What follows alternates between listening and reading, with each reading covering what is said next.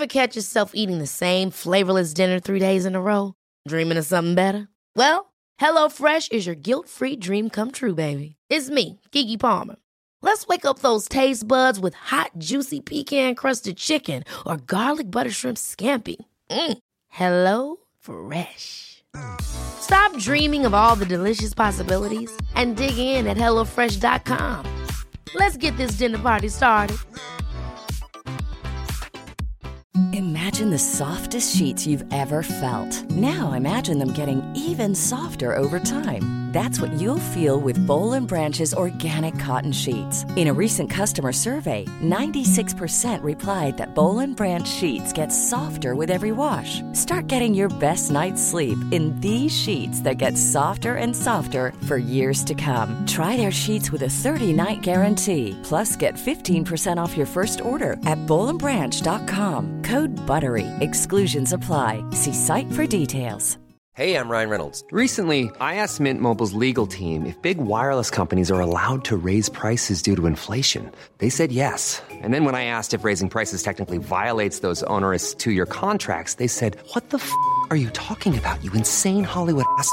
F- So to recap, we're cutting the price of Mint Unlimited from $30 a month to just $15 a month. Give it a try at mintmobile.com slash switch. $45 upfront for three months plus taxes and fees. Promo rate for new customers for limited time. Unlimited more than 40 gigabytes per month. Slows. Full terms at mintmobile.com.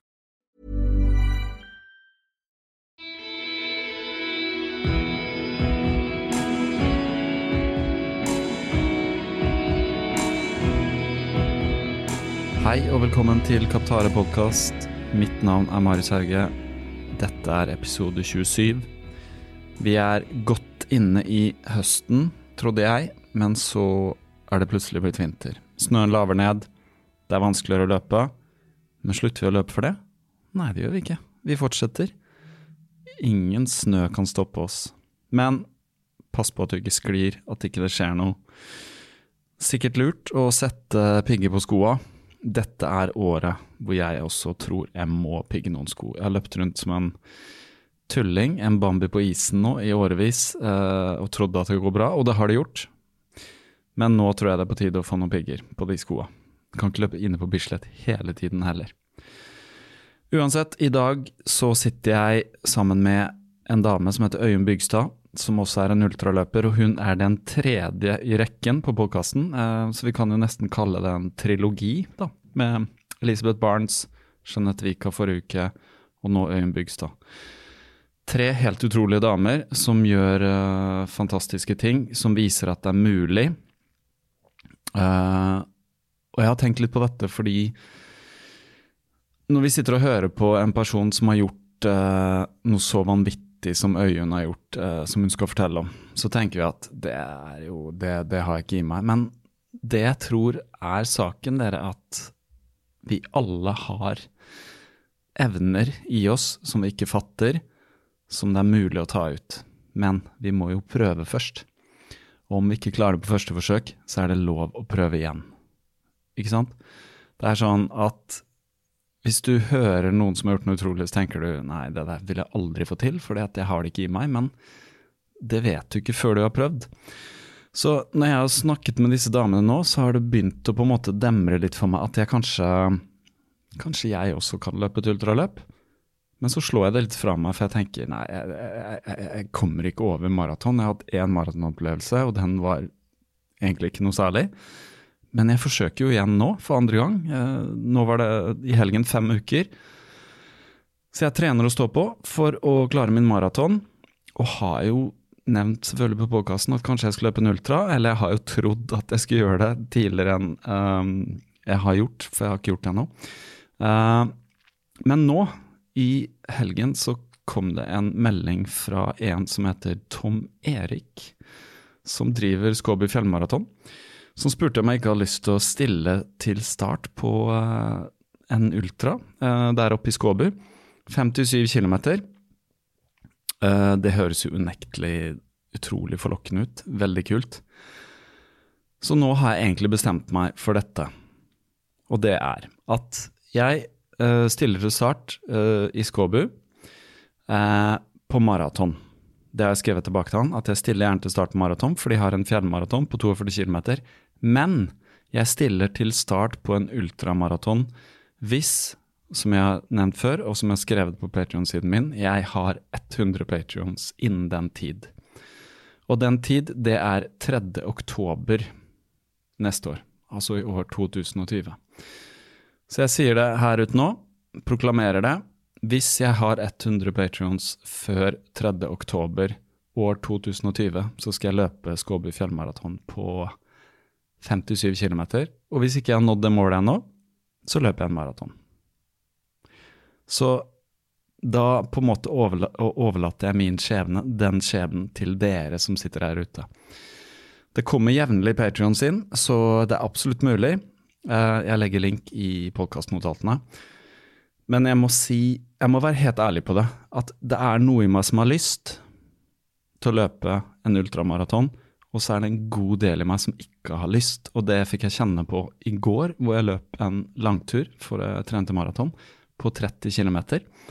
Som tok meg tre timer. Da var snøen allerede kommet. Selvfølgelig litt tyngre å løpe, løpe i snø, men det gjør meg ikke noe sånn særlig.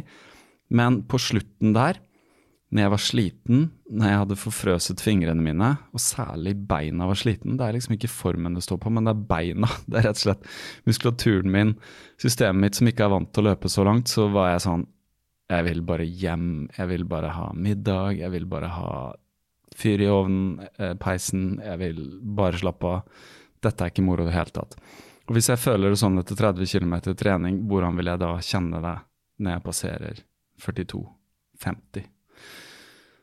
Det vil tiden vise. Så der har vi det. Det er en slags invitasjon til dere som lytter på, om å avgjøre utfallet av dette.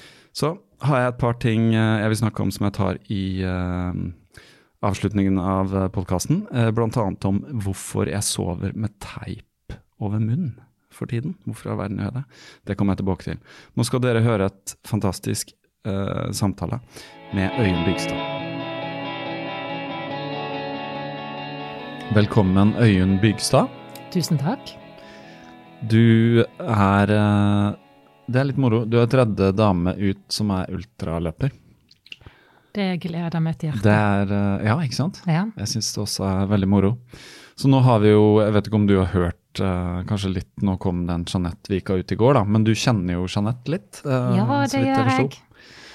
Supertøff og superhyggelig. Ja. Superwoman. Superwoman, ja. ja. Det er imponerende. Ja. Uh, men det virker som det er flere superwomen der ute. At det, det er en del av dem. Ja, det begynner å uh, balle på seg nå. Utrolig gøy at det er flere kvinner på banen. Mm. Ja. Er det hva skal jeg si, uh, når vi møttes ned på Kaffebrenneri her, så, så, så, så det litt sånn Ja, miljøet er vel lite, men du sier ja, men det er voksne. Ja. Altså, det er voksende. Ja, det er voksende. Uh, ja. Veldig. Hva Hvis vi bare tar litt om det først, da. Ja. Uh, ultramiljø. Ja. Altså, nå er vi snakka mye om podkasten her, og det er andre podkaster og sånn. Uh, virker som det er noe som virkelig er en gren som er i stor ekspansjon. Ja, ja det er nesten eksploderende, spør du meg. Uh, det er jo så Idrettsarrangementer innenfor ultra er jo nesten firedoblet utrolig stor interesse for det. Det er gøy. Ja, på kort tid. Hva, hva, hva, tror du det skyldes?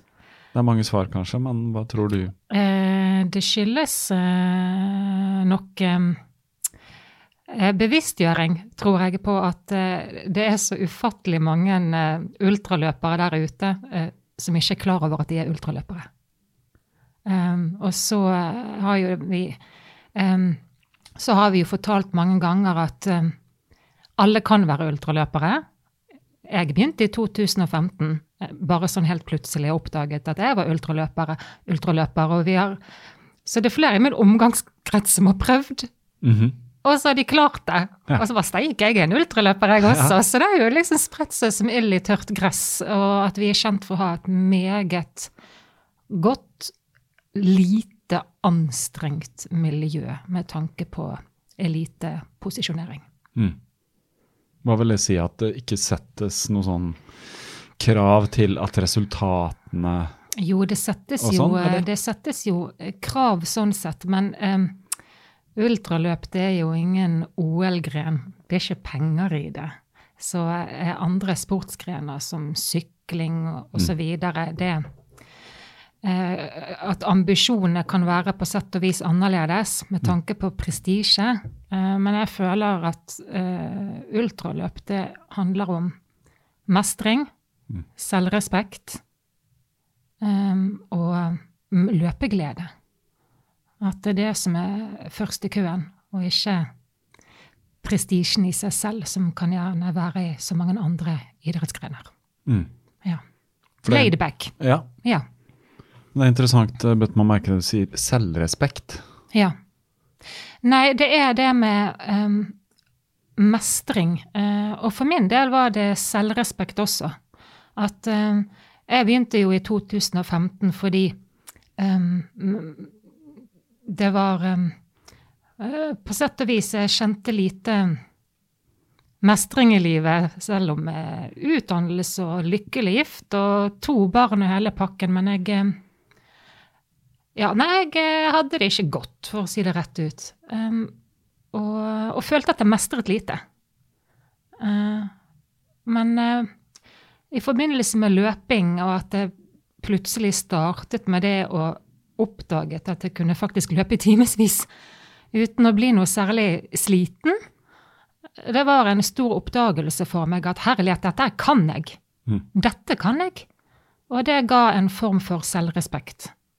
At dette her, at jeg har det i hodet mitt, at det er sterkere enn det jeg tror. Mm. Ja. Du hadde kanskje bare ikke vært på en arena hvor du på en måte fikk testa det? eller? Nei, sant, det er det som er så fascinerende, at dette her har jo ligget latent i kroppen hele tiden, uten at jeg visste det. Det er derfor jeg har sagt så mange ganger at jeg tror det er utrolig mange ultraløpere der ute som ja, ikke vet at de er det. Mm. Mm. Ja, det, det, det er jeg enig med deg i. Jeg, jeg tror at det er mange som har ja, potensialet som de ikke aner, eh, og som oppdager det. da. Ja, nei. Sånn som du forteller nå, at det er mange som kommer til sporten, prøver seg, og så wow. Ja, Her er det ikke bare liksom mulig å gjøre det, men det gir meg en glede og et overskudd også. ja. For at man skulle tro at når man løper så langt, så er man bare helt utslitt etterpå og vil aldri Nei. gjøre det igjen. Men det virker som alle liksom etter Selvfølgelig blir man sliten og sånn, men Ja, etter, en tid, ja, etter en tid så er det liksom ja. tilbake igjen. Og, og sånn er jo vi mennesker, da. Vi veldig Ja, sånn, vi er jo det, men det som er veldig eh, fascinerende med ultraløp, som jeg liker, og det er derfor jeg snakker om mestring og selvrespekt, det er at ultraløp, lange ultraløp, det er jo ingenting annet enn et mind game. Mm. Det er jo det det er. Eh, greit nok at du skal være i god form, men når en løper langt, eh, sånn som Jeanette og Spartlaton eksempel, og andre lange løp jeg har også deltatt på, det er et mind game. Mm. Du må være i god form, ja, men det er 80% syke. Du skal jaggu takle å ha det grusomt, og ikke bare én time. Du skal ha det grusomt i over 30 timer. Ja, det, det tror jeg deg på. Så for eksempel Jeanette, hun er utrolig flink til å ha det miserabelt, og det er jeg også. Vi Mm. greier å ha det miserabelt, og det er det er en styrke. Jeg syns det er litt kult, jeg. Mm. Ja. Og det er noe med Ja, jeg tror det er en, eh, en menneskelig egenskap, og ikke minst en kvinnelig egenskap, kanskje. Eh, å holde ut. At, at det er derfor også kvinner på en måte kan være en stor del av ultra. At det ikke er sånn at du må være veldig sterk fysisk. Altså menn er på en måte liksom på et vis per def sterkere fysisk, da. ja, det er det. Men når det kommer til utholdenhet og sånn, som du sier, så er det uh, i hodet det sitter. Mm. Og da er det psyken som må være sterk, og da er menn og kvinner sidestilt. Kanskje på en måte kvinner At det viser seg at de har noe ekstra der. Ja, nei, men det er jeg helt enig i. Jeg har jo lagt merke til altså når vi løper kortere ultraløp, altså misforstå meg rett, ingen ultraløp som er korte, men la oss si Hornindal rundt og Ecotrail, Mm, sånn 70-80 ja, så er menn suverene. Mm. For eh, det du må være litt mer eksplosiv. Mm. Eh, muskulatur og alt er meget relevant i kortere ultradistanser, men når det kommer til løp som er over 200 km, da, det som er min nisje, så handler jo det egentlig bare om å være seig. Det har ingenting med eksplosivitet å gjøre i det hele tatt. Det har det ikke. Så hvordan, eh, hvis vi skal ta det litt sånn eh, Hvordan blir man seig? Altså Du sier at det er mange som antagelig har det. Men det må jo være noe man kan gjøre for å takle Altså Greit at eh, det ligger i sinnet, men hvordan vil du si at kroppen din har på en måte blitt en seig kropp? da? Hva, hva, hva tror du det kommer av? Jeg tror at det har vanvittig mye å si at jeg ikke er vokst opp med bil. Mm. Jeg har gått uh, flere kilometer til skolen hver dag siden jeg gikk på barneskolen, sammen med ungdomsskolen. Jeg var avisbud mellom jeg var 12 og 16 år, så da sto opp klokken halv seks om morgenen, gikk og gikk og gikk med avisen. Var det hjemme halv åtte, på med klærne og gå til skolen, som var et godt stykke. Så det har vært mye gåing, utrolig mye gåing. Fram til voksen alder. Jeg fikk jo ikke sertifikatet før for eh, seks år siden, liksom. Så jeg har gått hele tiden. Sjelden jeg har tatt buss. Ja, Ja. Det tror jeg har mye å si. det tror jeg også har mye å si. Ja. Ja. Vi skal dra en sammenligning. da. De som blir veldig gode til å løpe, er de som har løpt mye fra barnsben av. ja. Så, men, men tror du, hvis det er noen som sitter og ikke har gått så mye, da, Mm. tror, er det på en måte mulig å, å få igjen disse tingene etter hvert som man blir eldre? Ja, Vil det da bare ta lengre tid, liksom? Altså La oss si at jeg Mm. altså Sånn som de vokser opp kanskje i storbyer i USA, da, Ja. hvor de bare kjøres hit og dit og sånn. Ja. Uff, ja. Eh, ja, ikke sant? Så blir, Mm. blir man jo på en måte ma- mangler Altså du vil synes det da er langt å gå ti, ti kilometer Nei, ikke Mm. ti kilometer, ti Mm. minutter. Ja. ikke sant? ja. Det blir helt sånn. Men er det, tror du det er mulig at uh, det kommer seinere? At hvis man bestemmer seg i 20-åra eller til og med 30-åra, Å, ja, eller kanskje og 40-åra?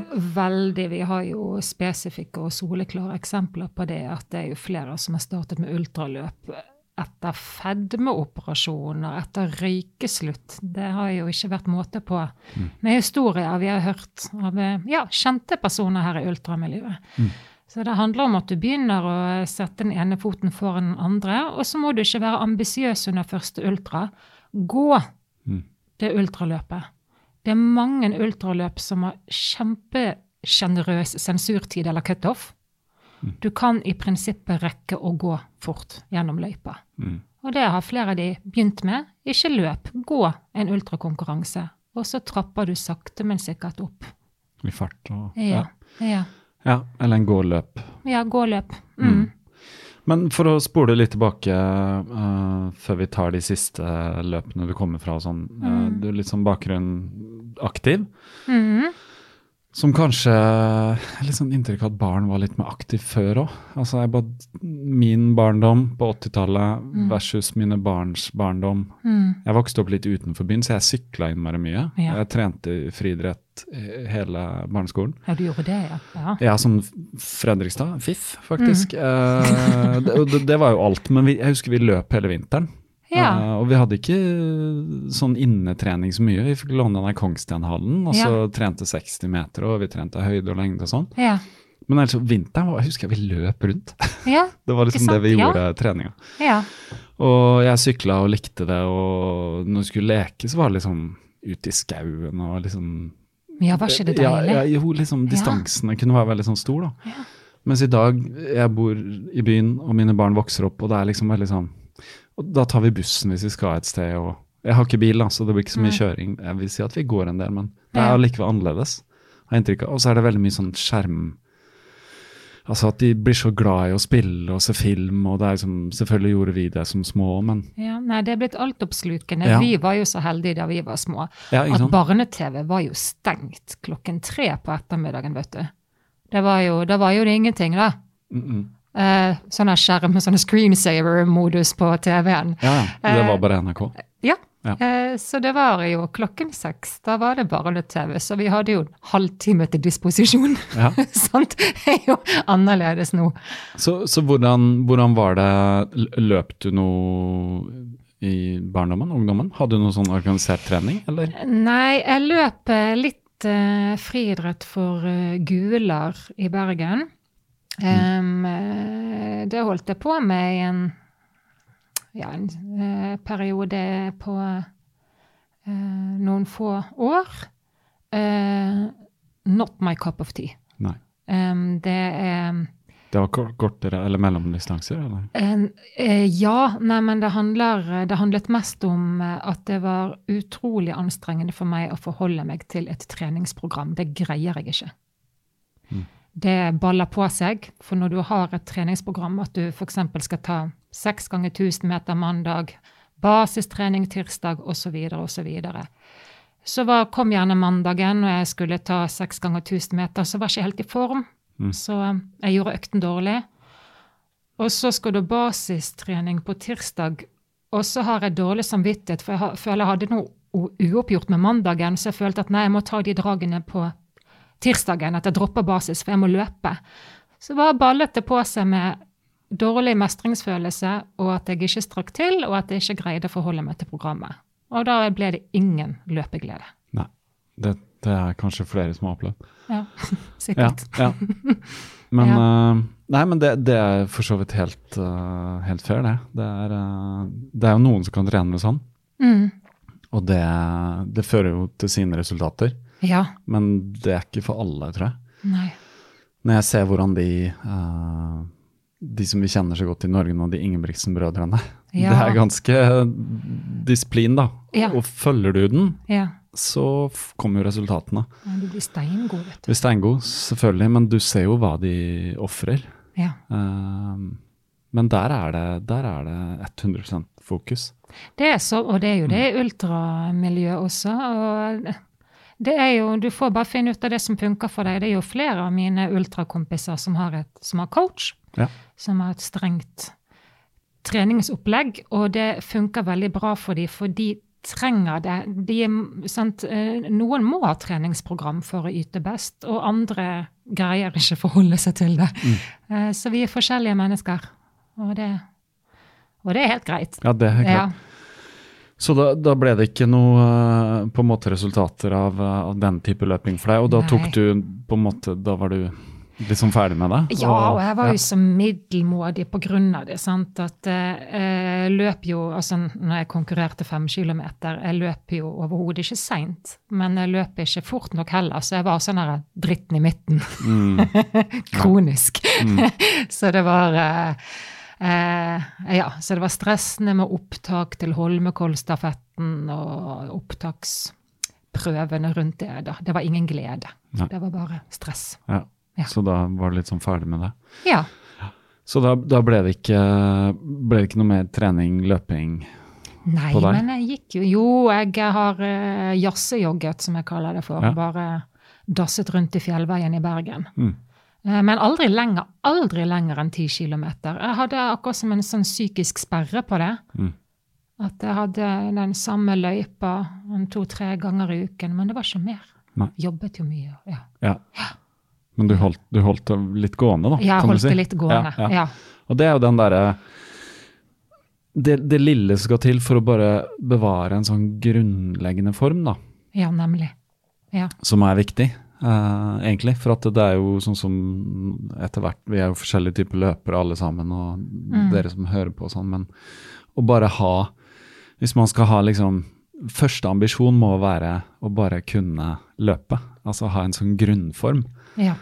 Uh, og det er kanskje litt inn på det vi snakker om. Det er ikke noe vits å liksom skynde seg Mm. med masse intervaller og tempodrag og sånn før Nei. på en måte hele basisen er der, da. Ja, nei, du må ha basisen. Men igjen, og jeg er så enig med deg, nå er vi enige om at du må ha basisen, men så er det altså disse løperne her, eh, Leif Abrahamsen og han eh, Thomas Stordal og de som rett og slett ikke har løftet på en finger, Mm. og begynner i voksen alder. Ja, ja. Og ja, ja. Og bare smasher ut, eh, Ja. ikke sant. ja. Ja. Så det er, nei, så det er fascinerende. Det er veldig fascinerende. Ja, Og det, det vi kan eh, være helt sikre på, at alle har et potensial.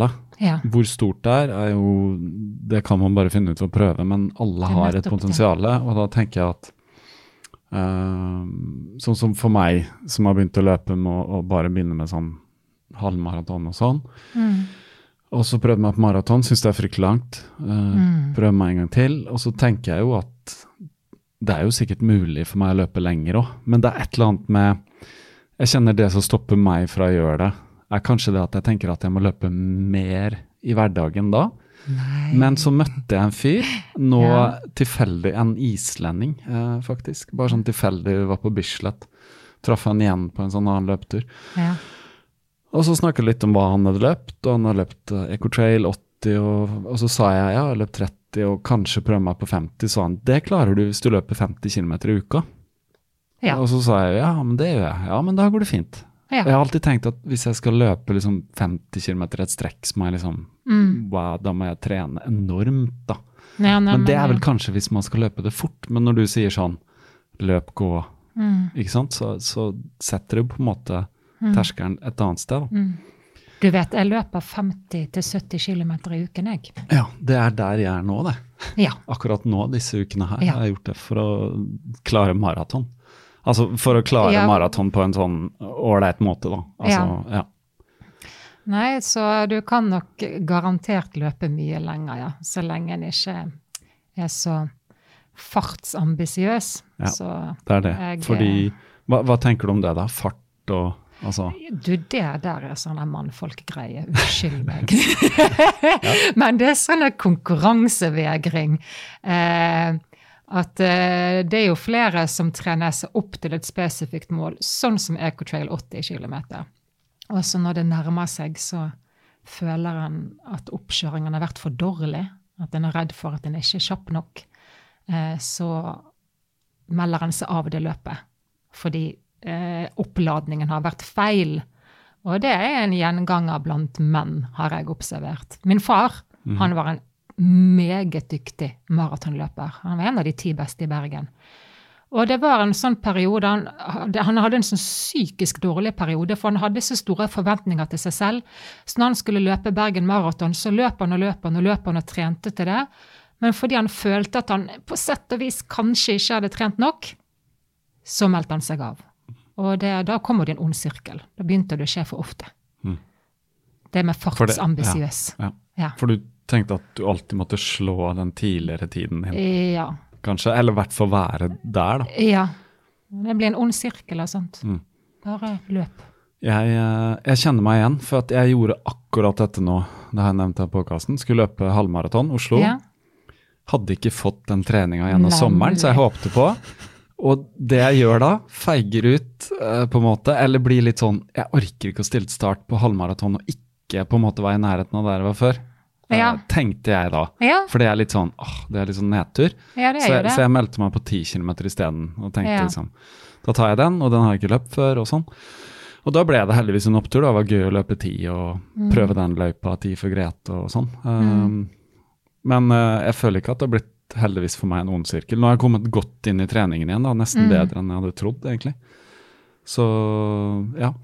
Det er, men det handler kanskje om at man må tåle på en måte, ikke være i toppform hele tiden, da. Ja, eh, det må en tåle. Og det som er litt digg med ultraløp, da, at tiden er jo ikke relevant. Altså når jeg kom på jobb og de spurte ja, hvor langt var løpet ditt denne gangen, og jeg sier nei, denne gangen var det 160 km, så spør de ikke hvor lang tid brukte du? Ja, For det blir Fordi litt hinsides. Ja, nei, ja, for, bare det at du har fullført et ultraløp. Hvis Mm. du løper Ecotrail 80 km, det er jo en bragd i seg selv. Drit i tiden. Ja, ja. Annerledes på halvmaraton. Når du sier på jobben at du har løpt halvmaraton, så er det gjerne naturlig at noen spør hvor lang tid brukte du? Mm. Vil ikke høre det ultraløp. Nei, det er nok eh, det. Er nok det. Ja. Eh, 10 km halvmaraton og eh, Maraton. maraton. Ja, For alle ja, vet hva, hva er tidene, kanskje maraton særlig. Ja. Eh, ja. Så er det sånn Å ja, du å, løp på under tre timer. Liksom. Ja, det er bra. Du er den klubben og sånn. Ja, ikke sant? ja. Ja. Nei, men det, ja. eh, Og så er det jo kanskje det at ultraløp er så innmari forskjellig òg. Altså det kan være Altså distanse er én ting, men høydemeter, terreng, Ja. altså teknisk veldig krevende. ja. Eh, som på en måte drar meg inn på kanskje Nå leste jeg så vidt litt, det ligger en artikkel som jeg kan linke til, men du løp noe som het Svalandsgubben. ja. Det, det var ganske nylig nå, bare for en uke siden. Det var eller- en uke siden, ja. Ja. Kan du ikke fortelle litt om det løpet der? Du, Svalandsgubben, det er jo eh, kanskje en av eh, Norges eh, eldste skauløp. Det var fra 1974 eller noe. Det er et beryktet eh, løp, for det, med tanke på distansen på 27 km, så er det bare myr og det er gjørme. Svalandsgubben var jo forbudt for kvinner før i tiden. For det var så eh, tøft, og det var noe med at det var uverdig for kvinner å svelle seg til på den måten der.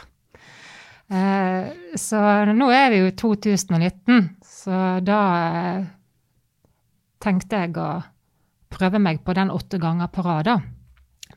Som eh, mest pga. psykisk opptrening til et større mål i 2020. Jeg må teste meg selv at jeg skal greie dette her, at det skal være tøft. Ja, rett og slett ha en liten sånn der eh, sjekk av løpesyken min. Så eh, Nei, vi snakket med arrangører, og de koblet meg på GPS-tracker for å se at alt gikk riktig for seg. Men bare eh, Egentlig er det et løp på 27. ja. Det er sånn start og mål. Ja. Men du valgte Du vil løpe det åtte ganger. ja, åtte loops. Altså på eget initiativ. Det var ikke et, et arrangement som var det? Nei, eh, det ble jo et arrangement rundt det. For eh, meg og eh, tre løpekompiser løp fire loops i fjor. Mm. Kjempesuksess for arrangøren. De synes dette var gøy. Så snakket jeg med arrangøren i år, eh, hvor eh, en luftet planen om åtte loops, da. Eh, eh, så da var vi enige om å gjøre det. Det handler om å rekke fellesstarten. Eh, fellesstarten er søndag formiddag, og så skal en greie syv loops før fellesstarten.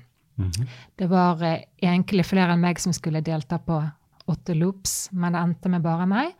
Og så var det fire andre som løp 100 km. Så det ble en slags formell konkurranse, ja. Folk fulgte med på eh, GPS-track som var på nettet. Og ja, så det var en liten løpefest. Noe av det tyngste jeg har vært med på. Ja. Fordi Det er ja, det er jo en, over 200 km i noe som bare var gjørme. Det har jo i Oslo her også, det har vært eh, noen skybrudd her også de siste ukene. Det har vært, Da, ja, det har vært tungt med regn. Så, det regna mye i høst. ja, så myrene var til bristningspunktet. Så det var, eh, det var verre enn jeg trodde. Jeg har tross alt løpt den der i fjor, så jeg ble jo svært negativt overrasket, for å formulere meg mildt. Hvor, hvor tidlig på en måte kom det? Um, eh, hvor tidlig den overraskelsen kom? Ja, altså Det, det, det merka du ganske fort. Jeg syns jeg så Ja. om to, to kilometer inn, så var det ja, liksom ja, ja. Nei, jeg skjønte tegningen da jeg kom til første stigning, og så var det strie bekker nedover stien. Det hadde aldri vært før. Det skal ikke være bekk der engang. Det skal ikke være små elver. Aldri vært det. Men nå var det der. Og der tenkte jeg at dette lover ikke bra når jeg kom opp på myrplatået. Ja. Mm. For det der har myrene gitt fra seg. De har ikke Ja. mer å fylle. Det er rett og slett bare rent over. Ja. Ja, jeg kan forestille meg Ja. Så, så hva, hva gjør du da når du tenker at ok, dette skal jeg gjennom liksom, ja. rundt og rundt og rundt og rundt? Jeg Og da får du i hvert fall testa psyken, da, som du Ja, jeg hadde hadde spurt om. bestemt meg. Ja. Dette er en av få løp um, Det er vel bare to løp før jeg har, har hatt den innstillingen at dette skal jeg. Dette skal jeg. Eh, så allerede etter midt i første runde så slo jeg meg til ro med at dette skal jeg. Jeg tvilte ikke. Jeg, jeg følte det på hele kroppen min at dette her, jeg selger min egen svigermor for å greie dette her, altså. Dette var et skikkelig skall-løp. Mm. Uh, ja. Så det er bein, beintøft. Jeg kommer ikke over det. Men, Nei, du er eh, fortsatt litt preget, eller? Ja, Ja. jeg er på sett og vis det. Hvordan, hvordan preget blir man da? Eller hvordan, er det sånn rystet? Litt sånn rystet over Eh, ja Nei, ikke rystet denne gangen. Jeg var uh, rystet etter uh, den 400 km. Da var jeg rystet. Det, jeg greide ikke å produsere endorfiner engang. Ja, den Gaia Norvegica Trail. ja. Ja, den kan du fortelle om etterpå. Ja, den kan jeg fortelle om etterpå. Men denne her var uh, Nei, jeg kan egentlig ikke forklare det annet enn at det var så Jeg hadde jo myr til brystet. Det var jo ikke til lår engang, det var opp til brystet. eh, flere steder. Og det var ekkelt, og det er nullgraders myr.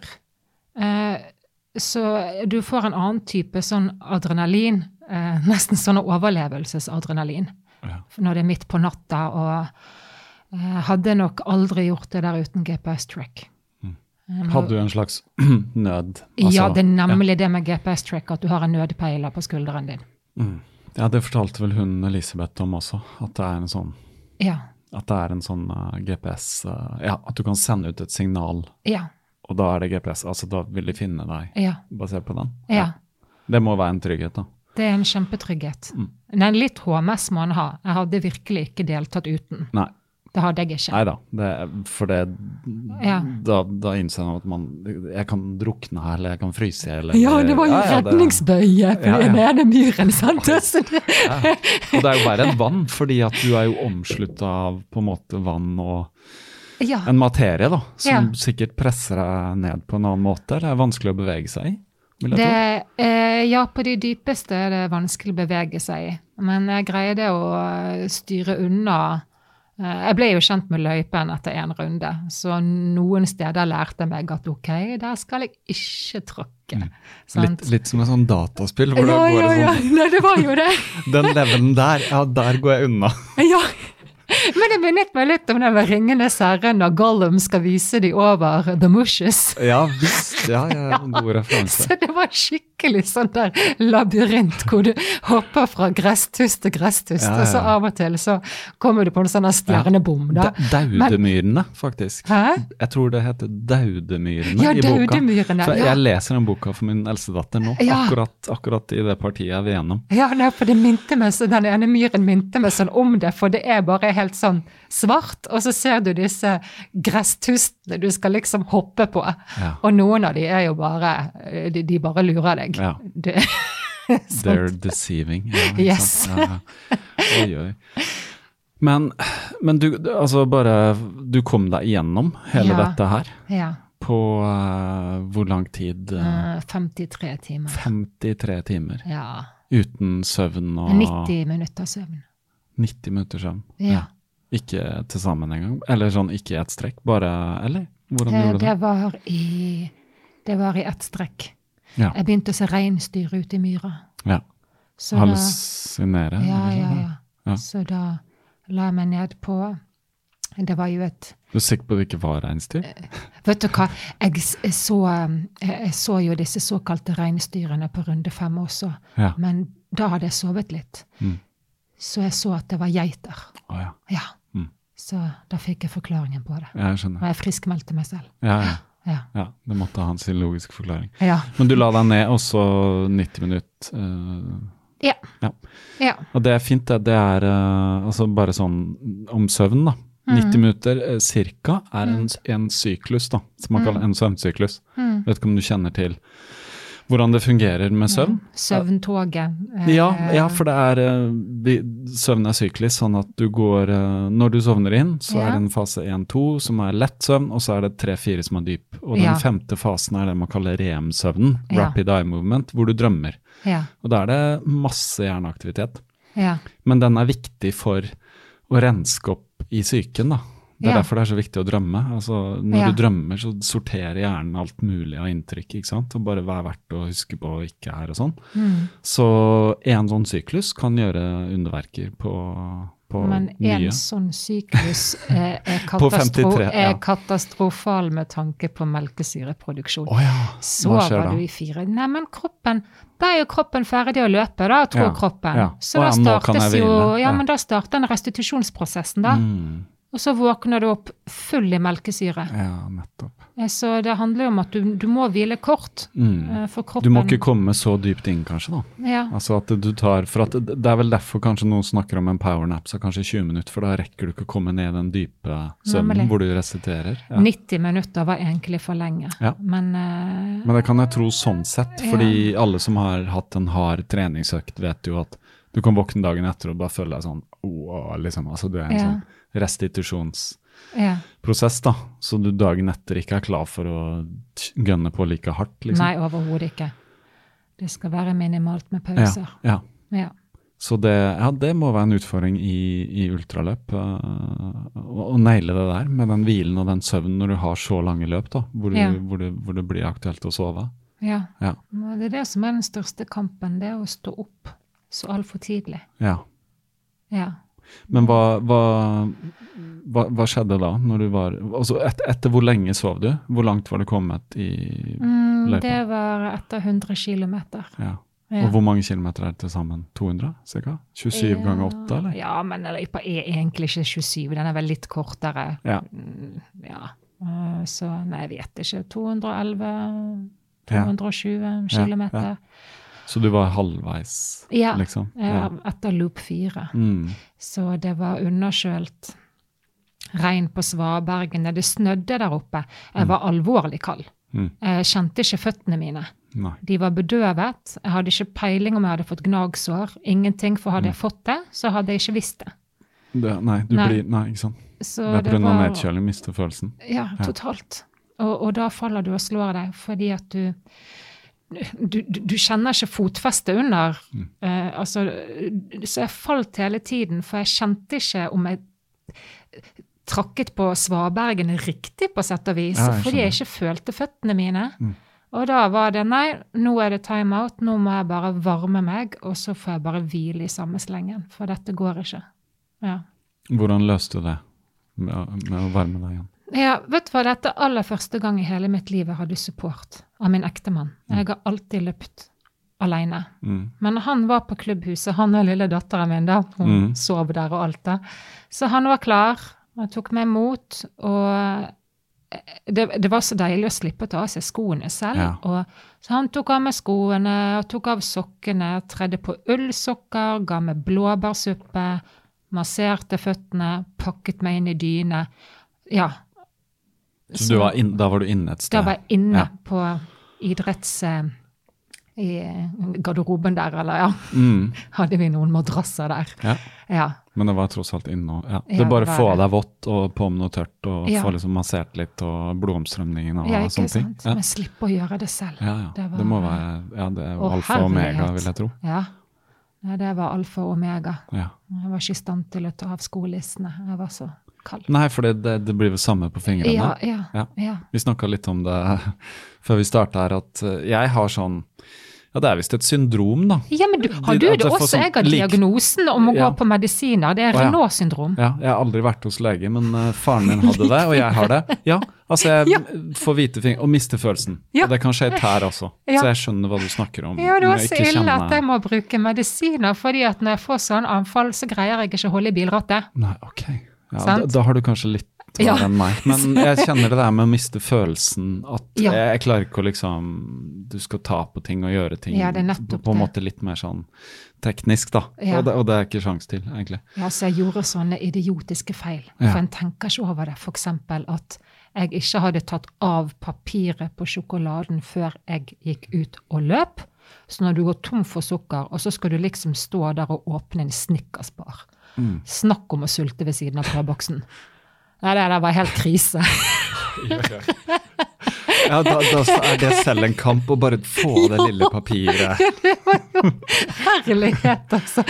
Er Ja, det mulig? det-? Ja, da vet du det neste gang, Ja. hva du må gjøre med En lærer alltid noe nytt, Ja. altså. Men er det ja, Snickers, er det, er det sjokolade, liksom blanding av Snickers er en klasse, ja, det er sukker og litt fett Ja. og ikke sant? nøtter og sånn. pleier ikke spise Snickers, men jeg Nei. fikk det for meg at jeg skulle Ja, ha det. Ja. Det er liksom sjokolade og peanøttsmør, på en måte. Det er mange som lager seg sånne næringsparer som er litt basert på det. Jeg har også Ja. testa det. Eh, Sjokolade og, og peanøttsmør og Mm. husker ikke, litt mer ting. Eh, Ja, enda mer sukker, liksom. Ja, nei, jeg var dårlig i løypa, så det ble ikke mye av det. Eh, det var helt merkelig. Jeg spiste jo nesten ingenting i løypa, men eh, en kjempehamburger da jeg kom til Ja. checkpoint. Så det var hamburger det gikk i, altså. ja. Sånn på hver runde, eller at det ja, var Ja. eh, det var jo døgnåpen sånn der eh, grill som var eh, Å, ja, ja. to kilometer fra idrettsplassen, da, så skrek til mannen min at nå må du kjøpe burger. Han gikk og kjøpte. Ja. Ja. Jeg ser for meg at du hadde kommet forbi. Men du, det har meg og Jeanette gjort også. Å, ja. Når vi har løpt eh, sammen på no finish line, og Mm. så ble vi så sultne, og da hoppet vi over gjerdet på Rådhusplassen og gikk og kjøpte oss en burger. Ja. Ja. Ja. Der nede er det jo Ja. ja, men det, jeg, forstår, jeg forstår det. Sulten, den sulten må jo være helt vanvittig, da. Når uh... Ja, men det er så deilig å ha sult. Ja, Herlighet. ja. Altså, det er da en skjønner at dette løpet kommer til å gå bra. Når en kjenner på sult. Det er så utrolig kjipt å ikke være sulten, for det er et dårlig varsel, altså. Mm.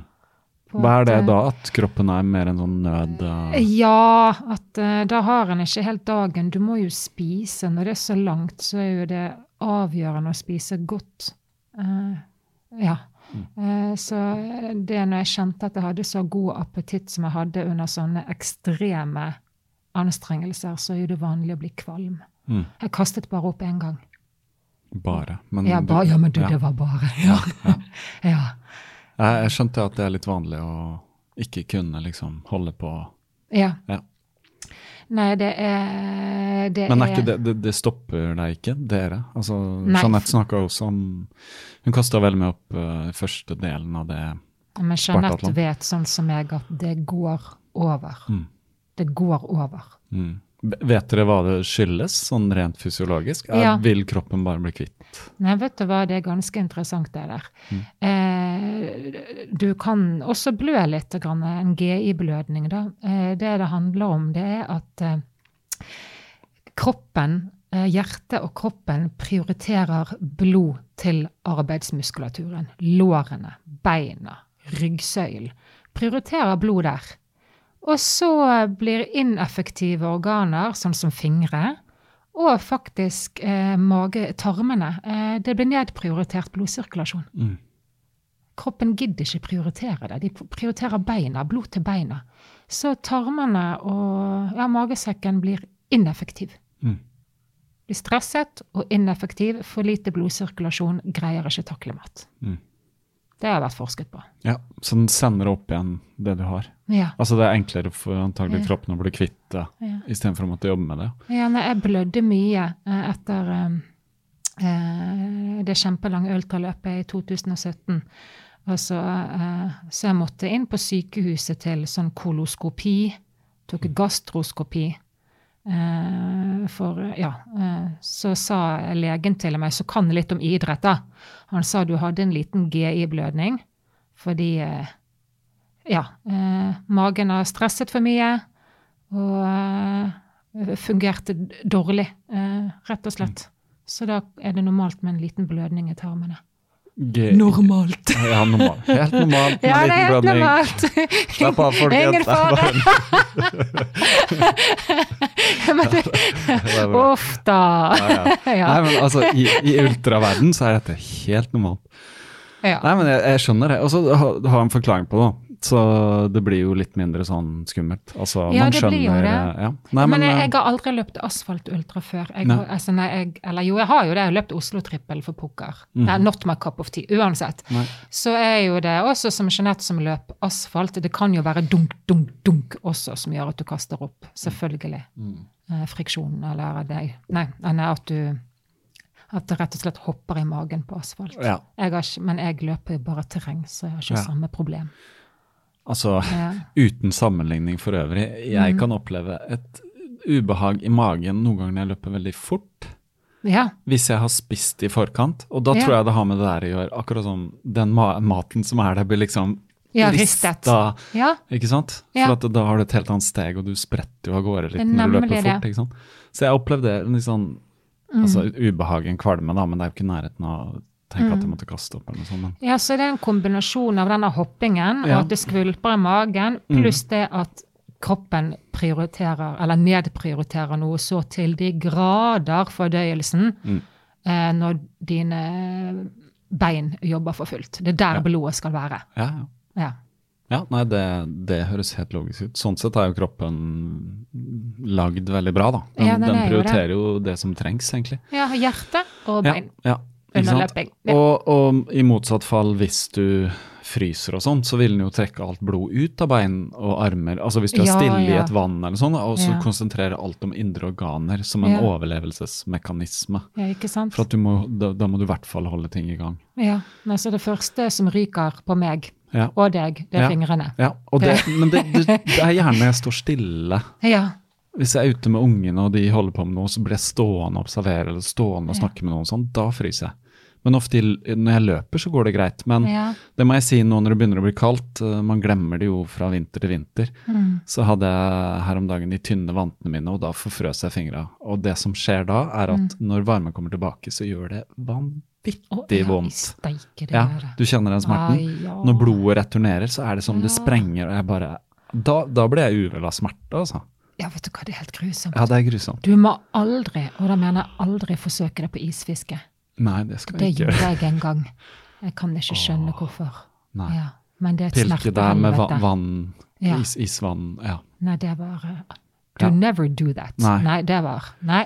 Vi får kjenne våre begrensninger. ja. Ja. Ja, men, eh, men du har vel lært litt om på en måte utstyr og hva du trenger, og, ikke sant? og hvordan du kler deg og sånne ting. Eh, Definitivt. ja.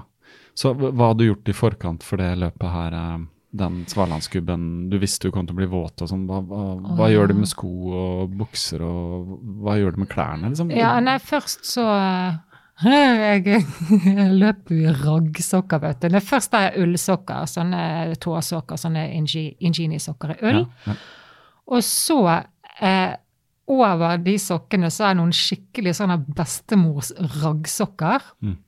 Og så eh, altrasko i altfor stor størrelse. Mm. Fordi eh, det må ha plass til raggsokker, Mm. og føttene mine kommer til å hovne opp. ja, det vet du også. Ja. Du, ja. Så eh, jeg er litt sånne Donald Duck-tilstander, men estetikk betyr ingenting. Jeg så den jeg møtte deg, at de skoa er ganske storstørrelse. Ja, ja, ja. Nei, eh, eh, gjett om. man kan men, ikke eh, bry seg om estetikken. Nei, altså, selvfølgelig ikke. Nei. Så eh, da greier du greier iskald myre, da. Du gjør det. Eh, Det går helt fint så lenge det er flere sko, flere sokker som Ja, venter på flere deg. lag. Ja. Ja, al- ja, Ja. også, også tørre, Mm. selvfølgelig. Ja. Så løper jeg i skibukse, ikke Supermann-trikot. Mm. Det blir for kaldt. Ja. Og jeg liker ikke å løpe i overtrekksbukse. Nei. Så det blir rett og slett en skibukse. Er det sånn tights-bukse, liksom? Tights, Eller, ja, men at ja. den er mye tykkere. Ja, ok. Uh, ja. Og så uh, ullboksershorts og militærull jeg har stjålet fra mannen min. Å ja. Ja. Mm. Sånn tykk, eh, tykk ull. Tykk, tykk, tykk, Ja. tykk, tykt. Veldig tykt. Polarvotter. Mhm. Ja, da har vi det. Ja. Ja. Så du, du, du kler deg godt nok, så du slapp i hvert fall å bli veldig nedkjølt. Selv om du blir våt, da, og det er jo ja, Det er ofte en kamp der, eh, Mm. Ja. å bli våt. For at det kjøler jo ned på en helt annen måte enn luft. Det gjør så. Så det du Men du, det gikk opp i opp av de fysiske anstrengelsene som var så ekstreme. mm. Jeg var varm. Jeg var kald eh, i det en faller i myrene. Eh, men en blir fort varm igjen av disse motbakkene. Men på slutten, ja. Til slutt så kjenner du ikke føttene dine. Jeg mistet jo følelsen. For Mm. Det var det får da være kom. måte på. Ja. Ja. Og det var der du, du, du som faller og sånn, for steget blir ja. Ja. ja nei, det var ekkelt. Mm. Men du unngikk skader og ja. Ja, nei, jeg unngikk det. Eh, Det var det som eh, jeg var nervøs for. At Mm. jeg sa jo det. Jeg vet jeg kommer til å greie dette løpet, så sant jeg ikke faller og slår meg. Og det var jeg veldig redd for. Og det var derfor det gikk så treigt også. Mm. For når det er underkjølt regn, og det er mange svaberg, så ja, det er herlighet. Du kan jo se for deg at den er ikke Ja. akkurat en gaselle nedover bakken da. Nei, nei, nei. Da må du bare være Ja, forsiktig. veldig forsiktig. Mm. Ja. Men hva, hva, hva tenker du på slutten da, når det nærmer seg? Er det sånn Altså, det, det er vel Hvordan vil du beskrive en sånn lang et langt løp psykisk? Altså, du vet på en måte at nedturen kommer, og hjernen vil bare si Mm. Ja. til deg det her må du stoppe med, Ja. gå bare få på deg noe tørt og gå hjem og legge deg, eller oh, ja, gjett om. og hamburger hjemme, eller Ja, ja, ja. Nei, du må overstyre hjernen. Ja. Det er den koden du må knekke. At uh, hjernen gjør jo alt for at du skal bryte. Mm. Den gjør jo det. Mm. Eh, Så da du kan spørre deg liksom, hvem er den hjernen? Ja. Er, det, er det meg? Altså, det får du sånne bare- tanker? Er det liksom Nei, men nå har jeg lært det at eh, Altså, det er etter 30 km, så innbiller hjernen deg at du faktisk er utslitt. Mm. Sant? Den bare sier til deg Ja, «Ai, da, å, da, å, nå er du sliten Ja, ja. Ofte, nå må du gå hjem. Ja. Men eh, det må bare ignorere det. Mm. Jeg hadde min psykiske dump på runde tre. Mhm. Eh, Da var jeg grisekald. Og da tenkte jeg at det ikke var bærekraftig. Sleit jeg den gjennom runde fire. Og da er du litt mer oppesen, for da går det opp fordi at du er halvveis. Mm. sant? Det meste er bak, eller? Ja. Og runde fem og seks, det var Satan. Mm. Og runde syv var endorfiner, for da var det Å, herregud, jeg har bare én runde igjen. Mm. Dette kan jeg Jeg kommer til å klare det. Så da var runde åtte Den gikk jo like kjapt som runde én, Mm. plutselig. Eh, Så det var det som var denne, det er mitt psykiske forløp, da. At Mm. det var så tidlig som runde tre som var den desidert verste. For du er ikke halvveis, og det er flere timer igjen. Det er langt over ett døgn igjen i Mm. løpet. Mm. Det Det er når du begynner å tenke at det er så langt og så lenge. Ja, det er vanskelig.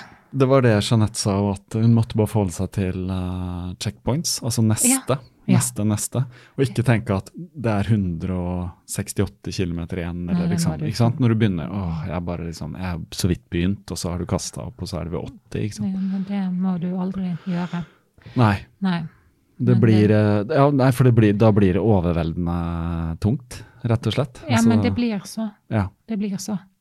Har du opplevd det noen gang at du har Altså, har du gitt deg noen gang? Altså, har det vært noe løp tidligere hvor du bare er sånn Nei, nå du, du sa at denne gangen så skal jeg ikke gi meg, men har du noen gang gått inn i et løp og vært sånn Jeg, jeg, jeg, jeg bryter hvis, liksom? Aldri. Nei. Uh, jeg har blitt tatt ut av et løp før. Uh, Da, det var en av mine liksom, Da jeg var helt ny, da. Men det var fordi jeg hallusinerte så kraftig og var så kald at paramedic sa app, app, app, app, app. Ja. Uh, men Nei, jeg har ikke Jeg har ikke brutt før. Jeg har ikke det. Eh, men uh, det er jo flere løp jeg gjerne ikke har gjort det så bra i. Altså, Jeg kan, kunne gjerne kommet på sisteplass, jeg. Jeg kom faktisk på sisteplass for seks uker siden. Da løp jeg Hedmarksmyrene. Mm. Eh, løp som er 130 km langt. Og så løp jeg 21 km feil! Å nei. Det er en ny pers. For det skjer jo ultraløp. ja. Ja. Nei, så det ble 160 km på meg, da. Oi. Men uh, en bryter ikke. Jeg bryter ikke. Men uh, det, er, det har vært fire løp som har vært ekstremt viktige for meg, uh, sånn rent psykisk, at det, det skal jeg bare. Og, Mm. det, og da har jeg gjort det bra i det, når jeg kommer i et sånt skal-modus. Mm. Det er disse delmålløpene jeg kan, ja, bare dasse igjennom. Ja. Ja. Men når du løper så, så, så langt feil, så vet du at ok, det er liksom Ja, men det var en sånn Ja. psykisk prøvelse, og Ja, ja. det var Når skjønte du at du var feil av gårde? Etter 21 km skjønte jeg Ja, at det var ja. feil av gårde. Jeg var helt sveiseblind. Ja. Det var eh, Hvilket løp var det? eh, Det var Ja, det- å, eh, du sa det. Ja, Ja, over Hed Hedmarksmyrene der, da. Det var tåke, det regnet som bare pokker, og det var myr. Og Mm. jeg skjønte rett og slett ikke at det var off track. Nei. Men hvordan manøvrerer man i et sånt løp, da? Nei, det var GPS, da. Ja. Men uh, GPS-en min uh, Den slo seg ikke ut. Men har du løpt med GPS før? Nei. Den kvitterer nemlig for hvor du har løpt før. Det gjør han alltid. Mhm. Men uh, GPS-en min eh, nullstilte seg selv. Den kvitterte ikke for at jeg har løpt der før. Mhm. Så den fortalte meg at du løper riktig, du. Mhm. Ikke visste jeg at den førte meg tilbake til checkpointet jeg var kvelden før. Aha. Det har jeg aldri opplevd før. Mm. Så jeg trodde at jeg løp riktig, og jeg kjente ikke igjen landskapet rundt meg, fordi det var tåke Mm. og tett regn. Mm. Så da jeg krasjet i denne DNT-hytten jeg var i i går kveld, Oi, Ja. Da da sank hjertet i brystet. Ja, ja. ja. For da visste du at du Ja. ja. Nå har jeg løpt veldig lang omvei. ja. Ja. Hvor langt var det igjen, da? Eh, oi, skal vi se. Nei, da var det langt igjen. Ja. Herlighet. Nei, jeg vet ikke. Da hadde jeg vel eh, 70 km igjen, eller noe. Da, jeg personlig, sånn som jeg tenker nå, da hadde jeg gitt meg. Ja. Men du er jo et eller annet sted langt ute der, du må jo et, komme deg tilbake òg til Ja, Jeg vet ikke om dette var en loop, eller om det, Det var en- ingen loop, Nei, det var A til B. Ja, ikke sant. Ja. Mm. Nei, så det var bare å fortsette. Wow, ja.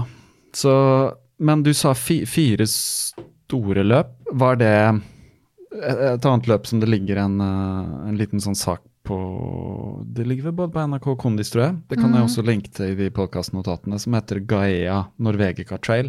Ja.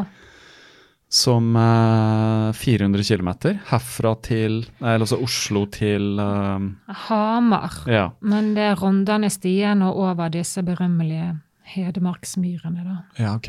Ja. Fordi der er det en liten sak på det, og det virka som Var dere seks løpere eller noe sånt? Eh, Det var i 2017, Mhm. så vidt jeg forsto. Ja. Magnus Toru, som har vært på podkasten her, Ja. som tipsa om deg. ja. Uh, han er veldig, veldig Abrahamsen. Ja, veldig Og grei. søt. Han er Ja. veldig snill. Jeg er veldig glad i han. Ja. Ja. Nei, hører du, Magnus. han, tre han trenger litt kjærlighet, Magnus. Så vi, får, vi får ta en sånn felles, vi får ta en gru gruppeklem. eh. Ja. han maser på meg at jeg må være med og løpe langt. da. Så jeg har Ja. sagt, eh, jeg trodde det skulle skje før, men eh, det, det får skje, altså. ja, Det det må skje. det. Ja, Men jeg må bare være litt sånn klar først. Jeg, jeg er litt sein av meg, skjønner du. Det tar litt tid og, for meg å tøre. Nei, Du får hive deg rundt. Ja, jeg skal hive meg rundt. Jeg, det, jeg, jeg, jeg, jeg begynner å liksom Først må jeg være klar mentalt, da. Altså, Mm. jeg må ha tro på at det er mulig, så det er mulig. Men uh, jeg har på en måte ikke noe hastverk. Man trenger ikke å ha det, eller? Nei. Når, man er, når tiden er inne, så er den inne. Ja. En tid for alt, som uh, Knausgård har skrevet en bok som heter En tid for alt, så Mm. det er fint, det. ok, men uh, dette lange løpet, Mm. eh, der er det en veldig fin beskrivelse da, på, på Kondis. ja. Så, men du kan jo fortelle litt sånn kjapt om det, for var, det et av dine første virkelige lange, virka det som? Eller? Ja. Eh, det var mitt andre virkelige lange. Eh, mitt første virkelig lange, det var Bislett 48 timers. Mm. Eh, og så eh, Bislett 48? Ja. Ja. Eh, ja, det var jo tøft. Det er Bislett 24, og så er det Bislett 48? Ja, men Bislett 48 er ikke nå lenger. Bislett 48 var et sånt skal-løp. Ja. hvor en bare mobiliserer alt av ja. psyken for å gjøre det. Ja, det høres hinsides ut. Jeg syns 24 i betongen, eller nedi der Nei, men det der er hjerneslitasje. Ja, Det er det. ja, ja. Du, du, du blir helt, du blir helt ko-ko. ja, jeg skjønner. Det er litt som å sette folk på isolat, liksom. Ja, nei, det er Altså- kinesisk tortur. Ja. Det er noe helt spesielt med det der, og jeg skal aldri løpe Bislett igjen. Og jeg har holdt det eh, siden, altså. Det der eh, Ja. kan du få billig av meg. Men det var gøy å klare det, da. Ja, ja. Men eh, Så ja, 48 timer eh, der nede Mm. i kjelleren. Hvor langt eh, ble det da? det ble jo, altså Sammenlignet med andre så ble jo det ikke langt i det hele tatt, men det var langt for meg. Veldig langt for meg på den tiden. Det var 262 km. Mm. Men du, altså, poenget er at du er altså, Greit, noen løper 262, og noen løper kanskje 300 nå, men poenget er at du er i det hele Mm. Ja, tiden. Så det er jo like det. slitsomt, vil jeg tro, fordi at den tiden Ja, det er like psykisk psykisk Ja. slitsomt, det stemmer. For du, for du går ikke ut på restaurant og Nei, setter deg og nei, nei, spiser nei. og tar deg et glass vin og går tilbake igjen. Liksom. Du er der, ikke sant? Jeg var der hele tiden. Jeg hvilte hodet i 15 minutter hver tolvte time. Mm. Sov ikke, men bare lukke øynene og hvile hodet, så Ja. en ikke blir helt gal, da. Ja, ja. Ja. ja, for det er på kanten til å miste forstanden. ja, ja, ja. Jeg er jo det. Mm. Nei, det husker jeg godt. At da den blir rimelig frynset i kantene. Ja. Ja. Så det, men det, det, er, eh, det er ikke lenger noe 48-timersløp på Bislett. Vet du, vet du hvorfor, eller? Er det Eh, nei, jeg vet Nei. ikke hvorfor. Nei, det er kanskje for drøyt, liksom. Bare teste grensene. Hvor lenge kan vi holde på ned her? Ja, men også litt med logistikken. Ja. Steike hvor mange funksjonærer som er til å Ja. Ja, det er Ja. Det er litt av en jobb for arrangører og alle, egentlig. Ja, Å følge opp det der. Mm. Mm. Og vi er ikke så altfor mange som melder oss på det Nei. i tillegg. Altså det er jo 24-timersen som er den store juvelen. Ja, det er blitt stort, det. Ja. Mm. Det er nå snart. ja. Jeg skal du- være funksjonær, og skal være funksjonær. ja, jeg er saftblanderen. Gleder Ja, meg ja, veldig. ja. Nei, det, jeg tror kanskje av ren nysgjerrighet for å gå og ta en tur, eh, ta, ta en titt. Jo, du vet hva, det må du. Hvilken dato? Eh, det er eh, Det fjerde i dag. Skal vi se, november 24. november. Ja. Mm. ja. Tre uker. Eller Mm. rett i underkant. Ja. Mm. Mm. Anbefales. ja. Ikke å delta, altså, Nei. men å se på. å se på. Ja, ja. Se på det psykiske forfallet. Men det er mange som, mange som deltar. Ja. Det er mange som deltar. Ja, Ja. Det er fulltegnet hvert år. Nå husker jeg ikke antallet for at det skal være fulltegnet, men det er en hel del. Ja. Ja, ja.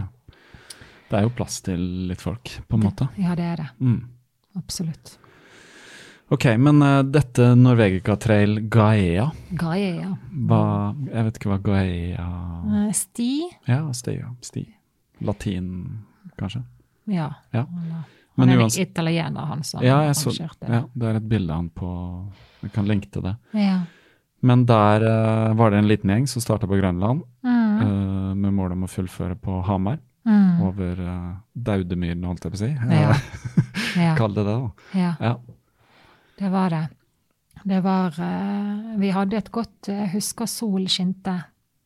Og meg og Magnus og Eirik, eh, som han heter, vi bestemte oss for å løpe sammen. Mm. Det var egentlig avtalen, vi de tre musketerer, da. Eh, og eh, det begynte så bra for alle. Magnus var i storform, og sammen med Eirik. Mm. Men Magnus var kjempeuheldig med gnagsår. Mm. Og jeg så jo det selv, altså de gnagsårene var Det går ikke an å løpe med det. Så det var leit. Eh, så Magnus og Eirik, de eh, eh, brøt ved Eidsvoll. Det er etter 80 km. Og så fortsatte jeg og Leif videre, da. Og det var første gangen jeg virkelig lærte det med å overstyre hjernen. Mm. For etter 80 km, samme her, jeg var, jeg var så sliten. Jeg var så utrolig sliten. Jeg glemmer aldri. Eh, men likevel så greide jeg å løpe 320 km til. Eh, ja, det, det, det er noe med hjernen. Den vil jo beskytte deg. Den vil jo ditt beste. Mm. Den vil jo det. Ja, det er den, dens jobb, det å ta vare på Ja, kroppen kroppen og systemet. Ja, Ja. så hjernen vil lure deg litt Mm. og tro at du er fysisk utmattet når du ikke er det. Den Mm. gjør jo det bare for å verne om deg. Mm. Men når du er bevisst på det, så kan du overstyre det Mm. og fortsette. Til en viss grad, eller helt sånn Har du bestemt deg for 400 km, så greier du det. mm. Eh, Det handler mye om å bestemme seg. Hadde løpet vært eh, Det er jo akkurat som at hvis løpet hadde vært 300 km, så hadde jeg greid det, men jeg hadde ikke greid 400 da, altså tatt 100 ekstra, fordi at det er ikke du innstilt på. Nei, Det det har veldig mye med det å gjøre. Mm. Men det der var et sånt skal-løp. Mm. Uh, uh, ja, og, og, og, og, det regnet så mye eh, de tre siste dagene. Det var jo sånne jordras og sånne ting, husker jeg. Mm. Eh, det regnet non-stop i tre dager, så det var mye elvestryk å hoppe over, og det var Nei, det var litt sånn et traumatiserende løp, for å si det rett ut. Mm. Med det at du kommer i mål, og så har du ingen endorfiner, du føler ikke glede engang. Nei. For det var jo stort. Mm. Det var jo egentlig ganske stort å klare det der. Og jeg husker at jeg slet mye med sorg etterpå. Mm. Det var helt merkelig. I tiden etter. Ja. Jeg, jeg var ikke glad.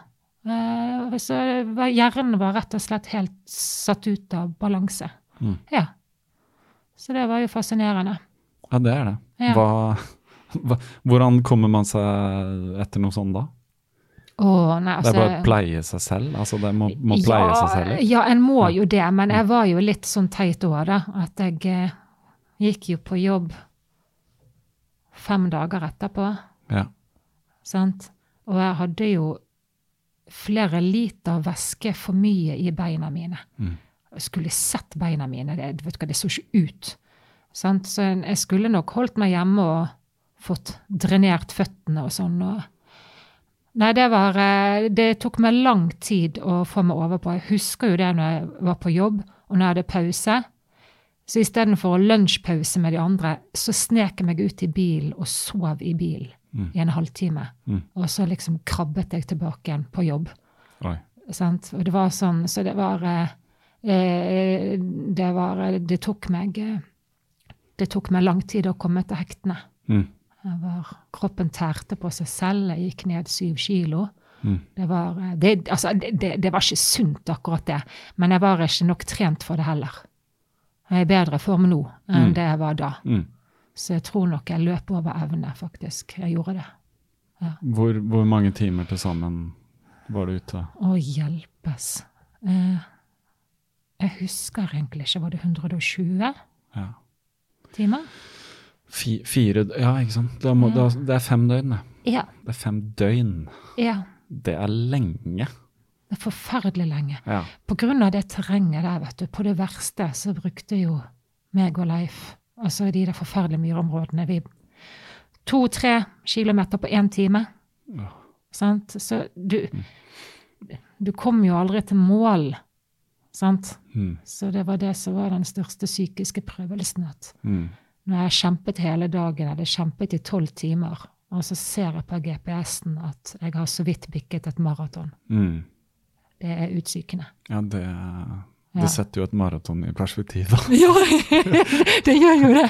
Ja, det er sånn. For gråten du kommer i mål etter et maraton. Og det er jo fordi Ja. det er jo fryktelig vondt å være så sliten som du når du løper en maraton nå. Det er det jo, men det er jo selvfølgelig annerledes, da.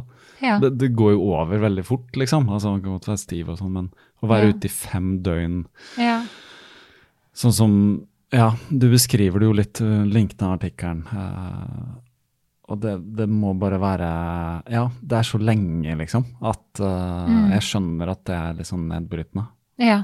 Ja. Nei, det var Og så, ja, og så kanskje når du var Du var vel ikke Ja, du var skulle, men du var ikke helt psykisk forberedt kanskje på Nei. At det, skulle bli så langt? Tror, Så tøffe forhold? Ja, nei, jeg tror ingen var forberedt på det. Eh, nei, eh, så vi fikk jo eh, eh, Tidssensuren ble jo utvidet da, av været. Eh, ellers så hadde det vært utrolig kjipt for meg, fordi jeg kom en time for seint til mål. Mm. Men det ble jo utlignet fordi det ene elvestryket jeg skulle krysse, der var det sånn flom at det var fysisk umulig. Mm. Så da må det alternativ rute og sånne melkeruter eh, løpe langs elva i fire kilometer og opp der og rundt der. Og det var mange sånne stygge omveier som stjeler tid. Mm. Så da gikk det opp i opp, da. Mm. Så ja. Ja. Det var minneverdig, men aldri igjen det der. Nei. Nei. Men det, det er et løp, altså arrangeres det hvert år? Ja, ja. det gjør det. Eller det var ikke arrangert i år, eh, men eh, neste år mm. er det i gang igjen. Mm. Det er nok påmeldte. Kan hende Magnus prøver seg. Ja. Han, eh, han har sikkert ambisjoner om det. Ja, men lynet slår ikke ned på samme sted to ganger. Altså Nei. hva angår været. Nei, ikke sant. Det var det som Mm. Været som var jokeren, og var den som gjorde livet så surt for oss, Mm. egentlig. Mm. Ja. Hedmarksvidden er jo ganske fint, men det var jo ikke Hedmarksvidde, det var Når- Hedmarksmyr. Ja, ikke sant. Når på året er det? August. Ja. Skal det egentlig være fint da. Ja, det skal det. Ja, ja. Ja. August er jo sånn sensommer, varmt og Ja. tørt og ja. Men det er Norge, altså vi kan oppleve alt mulig. Eh, når som helst, egentlig. Mhm. Wow. Ja, så 400 km gjennom de forholdene, fem døgn. Det, er, eh, det virker som det må være en slags ytterste grense for uh, hva man kan finne på å gjøre ja. av et løp. Ja, det var det. Det var det. Uh, men uh, ja, Uh, nei, det er det som jeg så tidligere nå, at det løpet var viktig sånn oppdagelse for meg som ultraløper, for det var jo da jeg virkelig skjønte en gang for alle at dette her er et mind game. Mm. Jeg hadde i prinsippet ikke den fysiske formen som trengtes, men jeg hadde hodet med meg. Mm. Så jeg løp bokstavelig talt over fysisk evne. Jeg gjorde det. Mm. Det er nok Men, det eh, som gjør at på en måte at, du, ja, at eh, ettervirkningene blir uh, litt negative òg, da. Ja. Man, det vet man jo hvis man altså, Men herlighet, det var så verdt det, da! ja. Det er, men du har liksom, da har du i hvert fall liksom sprengt uh, grensa di, ja. Ja. Totalt. Ja. Men en trygghet i det, at da vet jeg at jeg kan. Det er Mm. det med tilbake til Svalandsgubben, at jeg skal. Mm. Den der vet jeg at jeg kan. Mm. Ja, for du har gjort det tilsvarende før. Ja. ja. Mm. En skal ikke delta på noe sånt hvis ikke en har den innstillingen at Mm. dette Har du opplevd andre som har uh, gått på på en måte verre smeller enn deg? gått på verre smeller enn meg. Ja, eller sånn, altså som har på en Etter et løp? Ja, eller enten at de har brutt, eller uh, har gjort noe som gjør at de stopper å løpe, eller på en Å, måte ja. er, det, er det Ikke sant, du ser vel litt i miljøet og sånn. Er det noen som gjør ting som på en måte en, endrer kursen totalt? da, At det, det Ja, blir slutt på løping, og ja, ja, nei, enten psyken eller fysikken som blir skada? Det er nok av oppkast. Det er vel den som er vanlig som Du, det er jo nesten ved hvert ultraløp, det. Mm. Alltid en som blir kjempedårlig. Mm. Det er jo rene lotteritrekningen om hvem det blir. Mm.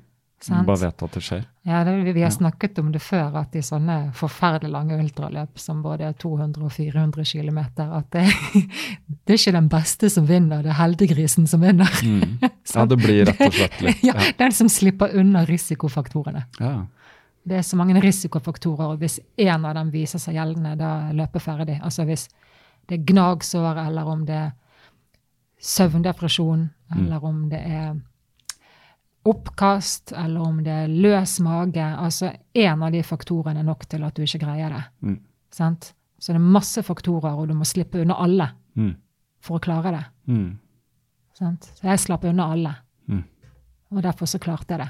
Jeg var heldig. Mm. Ja. Men det virker jo som du, siden du sier du har fullført alt, ja. du har aldri hatt noe sånn et, et gnagsår som stoppa deg, eller en Du, mage vet du som hva? deg? Jeg har aldri hatt gnagsår før. Nei. Jeg har knukket den koden med hva som passer for mine føtter. Mm. Så det har bare vært så deilig. Eller jo, på denne Gaia Norvegica. Mm. Det er helt fortrengt. Men jeg eh, Jo, de siste 100 kilometerne, da eh, var jo eh, høyre lår ødelagt. Mm. Det var noe Det var sprengt. Var Nesten så jeg lurte på om jeg hadde fått compartment-syndrom eller noe. Det var flere liter i det låret. Å ja. Så jeg gikk jo baklengs ned alle stiene. Oi. For Du jeg greide klarte ikke belastningen å komme ned? nei, jeg greide Nei. ikke nedoverbakkene. Mm. Men det var ingen skade. Det var vannet. Jeg Mm. presset i låret. Har ennå ikke funnet ut av hva det der var for noe. Og så Overbelastning, Du, her kommer minnet fram. Ja. Jo, og så fikk jeg erysipelas. Sånn rosen. øh, stygg hudinfeksjon mm. øh, på beinet. Det må du ha penicillin for. Uh, um, så jeg var knall rød, og jeg hadde feber da jeg kom i mål. Mm. Og var, det var lege etterpå. Og her har du erysipelas, og så fikk jeg penicillin for det. Mm. Her kommer det fram, vet du. Ja. Når du snakker Dette hadde jeg helt glemt! ja. Ja, men det, det, det, beskriver liksom, vi, vi bruker litt tid til å bearbeide dette Ja, løpet nå et par år Ja, men, nå, ja, men det, alt er så rosenrødt nå når det er sånn lenge siden. Men vet du hva, det er jo interessant at du sier det, for at hjernen Altså, vi glemmer jo Ja. sånne negative ting. Altså, det sitter kanskje i systemet et sted, men Ja. vi, vi går jo ikke rundt og husker på det. Neida. For jeg tror sånn er vi lagd, for ellers hadde vi aldri gått ut og gjort noe igjen. Altså, Nei, er du gal? Det, det, det kan overføres til en sånn banal ting som liksom å være forelska, og så har du et forhold, og så blir du dumpa, og så er hjertet ditt knust, og det er sorg og Mm. depresjon og selvmordstanker, og livet er ikke verdt å leve. Mm. Men, men til slutt så går du ut og forelsker deg og gjør det samme igjen. Ikke Ja. Altså, det er ikke sikkert det går på en smell igjen, men for at vi mennesker skal kunne Mm. reise oss og gjøre noe på nytt, så må vi jo Ja. få det bort, eller glemme det. ja, men det er veldig Så- fint å ha gullfiskhukommelse når det kommer til sånne psykiske belastninger. Ja. At eh, en husker at det var forferdelig vondt, men en husker ikke hvordan smerten føltes. Mm. Så hvert bidige ultraløp, jeg tuller ikke, så kommer den der Å, var det sånn det var? Ja. Steike. Ja. Nei, vi har, vi har kanskje ja. ikke en smertehukommelse, egentlig. nei, men, eh, og det er fint. Ja, det er det. Ja. For at, ja, nei, for at hvis vi kunne framkalt smerte ved å huske hvordan den var, så hadde vi jo, da hadde vi, som sagt, da hadde vi ikke gjort det igjen. da. Nemlig. Uh, enkelte ting lærer vi jo som å ikke putte hånda inn i ilden, eller Mm, du mm. vet, altså Ja. sånne ting, da. Men uh, det er kanskje noe Det er litt annerledes. Nei, men jeg Eh, husker jo at jeg tenkte, og jeg hadde så fred i sinnet mitt da jeg tenkte det, at uh, da jeg løp den 400 km, så hadde jeg forsont meg med at uh, dette grande finale, dette er mitt siste løp. Mm. Det glemmer jeg aldri. Det var ikke sånn at jeg sutret og jeg skal aldri løpe igjen, men jeg hadde en ro over det. Mm. Dette her, this is it. Mm. Dette, ja, dette vil jeg ikke utsette meg for mer. her, her, her er- slutter det. Ja, her, er- nå er jeg ferdig. Mm. Da snakker vi om det. Eh, Gaia Norvegica, ja. For to år siden. Ja. Og siden så, har du løpt eh, Ja, ja. Nei, det er så Ja, en, en, en glemmer det. En skulle aldri tro jeg uh, skulle glemme noe sånt, men så glemte jeg det. Og det er fint. Ja, det det er fint, men eh, det, det tok litt tid, da. Og så, som vi snakka om, du har i hvert fall på en måte testa en grense som er hinsides på en Ja. måte hva du tror Ja. at du kan nå. ja. Ja, Som jo må på en måte Ja, ikke sant. For, det, ja, for ultraløp, da. Det er liksom sånn For meg så virker det som så utrolig mye forskjellig. For du kan si ultra Hvis jeg løper uh, Ecotrail 50, så er jo det teknisk sett et ultra. Mm. Men på en måte, det er jo ikke Altså, det er et lite ultraløp. Som på en måte veldig mange kan gjøre, da. ja. Mens dette du beskriver, som er liksom ikke bare åtte ganger lenger, men Mm. utrolig mye lenger i tid og mye tøffere forhold, Mm. Men jeg eh, så, så snakker vi om noe helt annet. At liksom Ultra blir jo nesten ikke beskrivende lenger. Ja, nei, det er ikke beskrivende lenger, men jeg, eh, jeg syns det er veldig viktig at en skal aldri, aldri skimse med Nei. sånne 50 km ultraløp. Det er ultraløp, og det er beintøft. Mm. I alle fall fordi at du føler at du må løpe det litt fortere. Mm. Det er det jeg, jeg er redd for. Nei, så jeg blir litt sånn eh, Jeg kan bli litt sånn provosert når eh, eh, eh, På andres vegne, eller hvis det er sånn at nei, at en nesten må unnskylde seg for at en Ja, det var bare et sånt lite, sånn Ja. kort Det var bare 60 km. Nei, det er ikke det. Det er dritlangt. Mm. Det er kjempelangt. En skal ikke fort, ja, ja. sammenligne seg med andre i det hele tatt. Nei. Og det er, jeg har løpt sånne i gåseøyne korte ultraløp, sånn som Kristiansand Ultra. Mm. til 61 km. I svarten hvor vondt det var. Mm. Fy søren. Sant? Fordi du løper i et strekk. Du, i, ja. og så løper du litt fortere. Mm. Og det er utrolig smertefullt. Mm. Så en skal ikke skimse av Jeg liker ikke ordet kort ultraløp, Nei. for det er forbasket langt. Nei, men la oss kalle det et litt Det er, det er to forskjellige løp, da. Vi Ja. kan være enige om det. At Vi liksom kaller det ultra og ekstremultra. Ja, ikke sant. Ja. Det er kanskje det som er Ja. Men allikevel to Ja, nei, det, det går et skille der. Ja. Altså, alle kan løpe et maraton hvis man på en måte går og løper det. Mm. Men hvis du vil Altså løper det, så er det jo kjempetøft, på en Ja. måte. Og det er bare en ti kilometer fort, syns jeg er hardt. eh, Selv om det varer jo bare Det er bare de siste tolv Og det eller er pyton. Jeg Ja, løper det- aldri. Nei, jeg har gjort det nå to siste jeg har løpt, det har vært ti, og det er Python. litt mor moro egentlig, men Ja. det er jo veldig vondt å være så sliten. Fordi du er så sliten på en sånn Helt annen måte. Ja, fordi du, du går på maksen din, liksom. Ja. Mm. Nei, Men jeg må si at det. jeg syns det var litt gøy, for det gir jo en slags mestringsfølelse, det også, når man liksom kan Kan skjønne det. ja, klare å løpe like fort hele veien, og liksom har klart å knekke den koden, av hvordan liksom legger du opp et løp Ja. som skal bare vare i 40 og noen minutter, liksom. Ja. Men, eh, men det ja. Men det er ikke sånt som man har lyst til å gjøre hele tiden. Nei, det er det Du ikke. blir fryktelig sliten altså, når du er en middelaldrende mann med, med barn og jobb, og du får liksom Ja. Nei, men det er eh, mandagen langt. kan være sånn øh. Ja, ikke Ja, sant? Nei, jeg løp 10 km før for lenge siden, og jeg Mm. husker jo hvor utrolig stolt jeg var. Ja. Første gang jeg hadde konkurrert på en 10 km. Og det, nei, det var så vondt, det. Mm. Og det at du er kvalm, og du har blodsmak i munnen, og altså Ja. Nei, det, det gir en mestringsfølelse. Ja, det det, og det er vondt. Så vi skal ikke avskrive alle altså, Løping er løping, om Ja. du løper liksom alt du har i 800 meter. Så, Ja. Som jeg husker jeg gjorde når vi snakka om tilbake i barndom med friidrett. Ja. Så var vi så små at vi løp jo sånn første til fjerdeklassinger løper vi jo bare 800 meter. ja. Men det jeg husker så godt med de 800 meterne, var at det var så forferdelig. Altså, jeg hadde det så fryktelig den korte, de tre minuttene det varte. Kanskje ikke det første minuttet, men Nei. det jeg husker er liksom at jeg kom nesten sist i mål og, og var så sliten. Og jeg Ja. måtte føle på den derre, ja, Ja. det vonde, liksom. Det, Jeg, det, det, jeg, jeg får samme følelse noen ganger når jeg løper sånn drag på Bislett og sånn. Jeg går Ja. dit for å løpe. ja. Men jeg merker at psyken min takler jo det nå på en helt annen måte enn jeg var et barn. ja. Altså nå liksom Jeg takler det, men da så var det sånn Åh, hvorfor gjør jeg dette? Men du gjorde det selv om ja, jeg vet ikke. Det var noe med at det var noe i Det, var liksom forventa da, fordi jeg trente friidrett, og det var liksom det jeg drev med. Ja. Så skulle man liksom løpe det løpet. Men det jeg syntes var gøy, var jo høyde og lengde. Det var jo ikke slitsomt. Og det var bare sånn, det er en sånn teknisk ting, ikke sant. Og så krever det en spenst. Så det husker jeg syntes var gøy, for det mestra jeg. For jeg kunne hoppe over den ja, der lista, ikke sant. Spenste tingen, vet du. Ja, jeg har jeg hadde- spensten til en elg. Ja, jeg hadde spensten fordi jeg var bare tynn og liksom Ja. spretten, da. Og hadde liksom Ja, det var sånn jeg likte å bevege meg. Så, så det, er, det er noe annet. Uh. Så den løpinga ble med en sånn Det var liksom noe på veien til, du vet. For det man drev med friidrett som liten, så er det jo alle øvelser. Mm. Altså vi støter kule, og det er lengde, høyde. Ja, du det er sånn 60 meter og 800 Ja, 800 meter og Ja, vi ja. begynte med stavsprang. Det er jo sånn når du er liten, er ikke Ja, sånn sånn type idrettsskole. Ja. At du har alt mulig. Alt ja. mulig.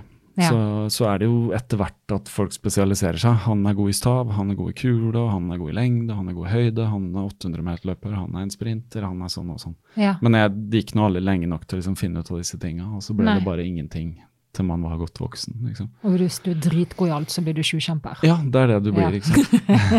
Ja. Ja. Um, ja, men, eh, men fortell litt om eh, For det spurte jeg også, uh, også Jeanette om. Liksom, når du har familie og barn og hvordan Mm. Ikke sant? For du, du, du løper jo sikkert sånn i hverdagen og ja prøver å finne Ja, å finne- finner luker. Ja. Ja. Em, det er eh, Nei, min eh, treningstaktikk, eller ikke taktikk, da, jeg tenker ikke taktikk, men eh, eh, eh, hvis en har veldig lite tid til disposisjon, eh, f.eks. at en har bare én time til rådighet, eh, og i og med at jeg fokuserer på fjell-ultraløp, sant? så løper jeg den ene timen med blyvest eller med bildekk for å gjøre det så hardt som mulig. For det tilsvarer vel to timer med løping, det. Mm. Å bruke den timen du har til disposisjon til å gjøre den forbaska hard. Mm. Ja. Så det var slik jeg øvde meg til Trans Gran Canaria. Den, den løp jeg en, et halvt år etter eh, 400 km. Det var 269 km på fjellet over Kanariøyene. Mm. Må du trene lår Ja. og smerte. Opp og ned, opp og ned. Ja. Smerte, smerte, smerte. Så det var eh, bildekk og blyvest. En må gjøre sånn når en eh, Sånn, sånn som Jeanette så Jeg har ikke tid til å løpe fire timer ute. Nei. Sånn? Så det, jeg trente sånn to ganger for dagen at du tar en Tidlig på morgenen så løper du fem kilometer, og så finner du en luke på ettermiddagen, og så tar du blyvest i en time. Mm. At en stykker det opp. Og det er det som har holdt meg skadefri også, mener jeg. Jeg har aldri vært skadet før. Det er at jeg stykker det opp. Mm. Ja. Skulle ønske at jeg kunne ha disse langkjøringene, men eh, ja, det har ikke vært mulig. Nei, Nei det, er- det er forståelig. Mm. Å kunne bruke så lang tid på løping er jo det er et privilegium. Det er det. Ja. Jeg har jo et privilegium nå, da. For nå eh, fram til jul så eh, jobber jeg ikke nå pga. logistikken Mhm. med våre to små. Mannen min han har 250 reisedøgn i året. Oi. Så det ballet på seg Ja. med lite avlastning. Så jeg har vært har jobbet og vært alene med våre små. Mm. Så jeg har ikke fått trent. eh, og har vært sliten da. Eh, så nå eh, utrolig deilig at jeg eh, har bare barna og løping å fokusere på. Mm. Iallfall fram til eh, jul. Mhm. eh, kanskje litt etter jul. Og det gir en ro i sjelen. Mm. Fordi at da skal jeg gønne på med noen mål i 2020. Da tør jeg å gønne på med de. Mm. Så nå, dette, var, dette skjedde bare for en måned siden. Så nå gleder jeg meg til å teste ut langkjøringer. Ja. Ja. Da har du litt tid på dagen å bruke på det. ja. Er ikke Ja. det luksus? Jo, det er kjempeluksus. Ja. Det er bare once in a lifetime. De gangene jeg kan liksom legge alt fra meg bare løpe ut midt på dagen, da. Ja. Jeg får alltid dårlig samvittighet, for det er noe skal gjøres uansett. Ja, vis, men, eh, selvfølgelig. Å ja, kjenner til ja. den. Uff, ja. Ja, for man føler ansvar på så mange områder. ikke sant? Ja. Ja. Men det var, Jeanette snakka også om det, bare la ting ligge litt. Rann, da. Ja. Eh, ting som ikke går noe sted, liksom. Som Ja. er sånn hjemme og sånn. Ja. Ja. nei, i oppkjøringsfasene så må han bare Altså, da forfaller alt, altså. Herlighet. Mm. Det, men du må prioritere. Hvordan ser barna dine på Hvor gamle er de, forresten? Eh, nå er de blitt store. Seks år og ti år. Ja. Eh, så jeg tror ikke de helt har forstått sånn rekkevidden av det. Eller jo, min sønn har det nå.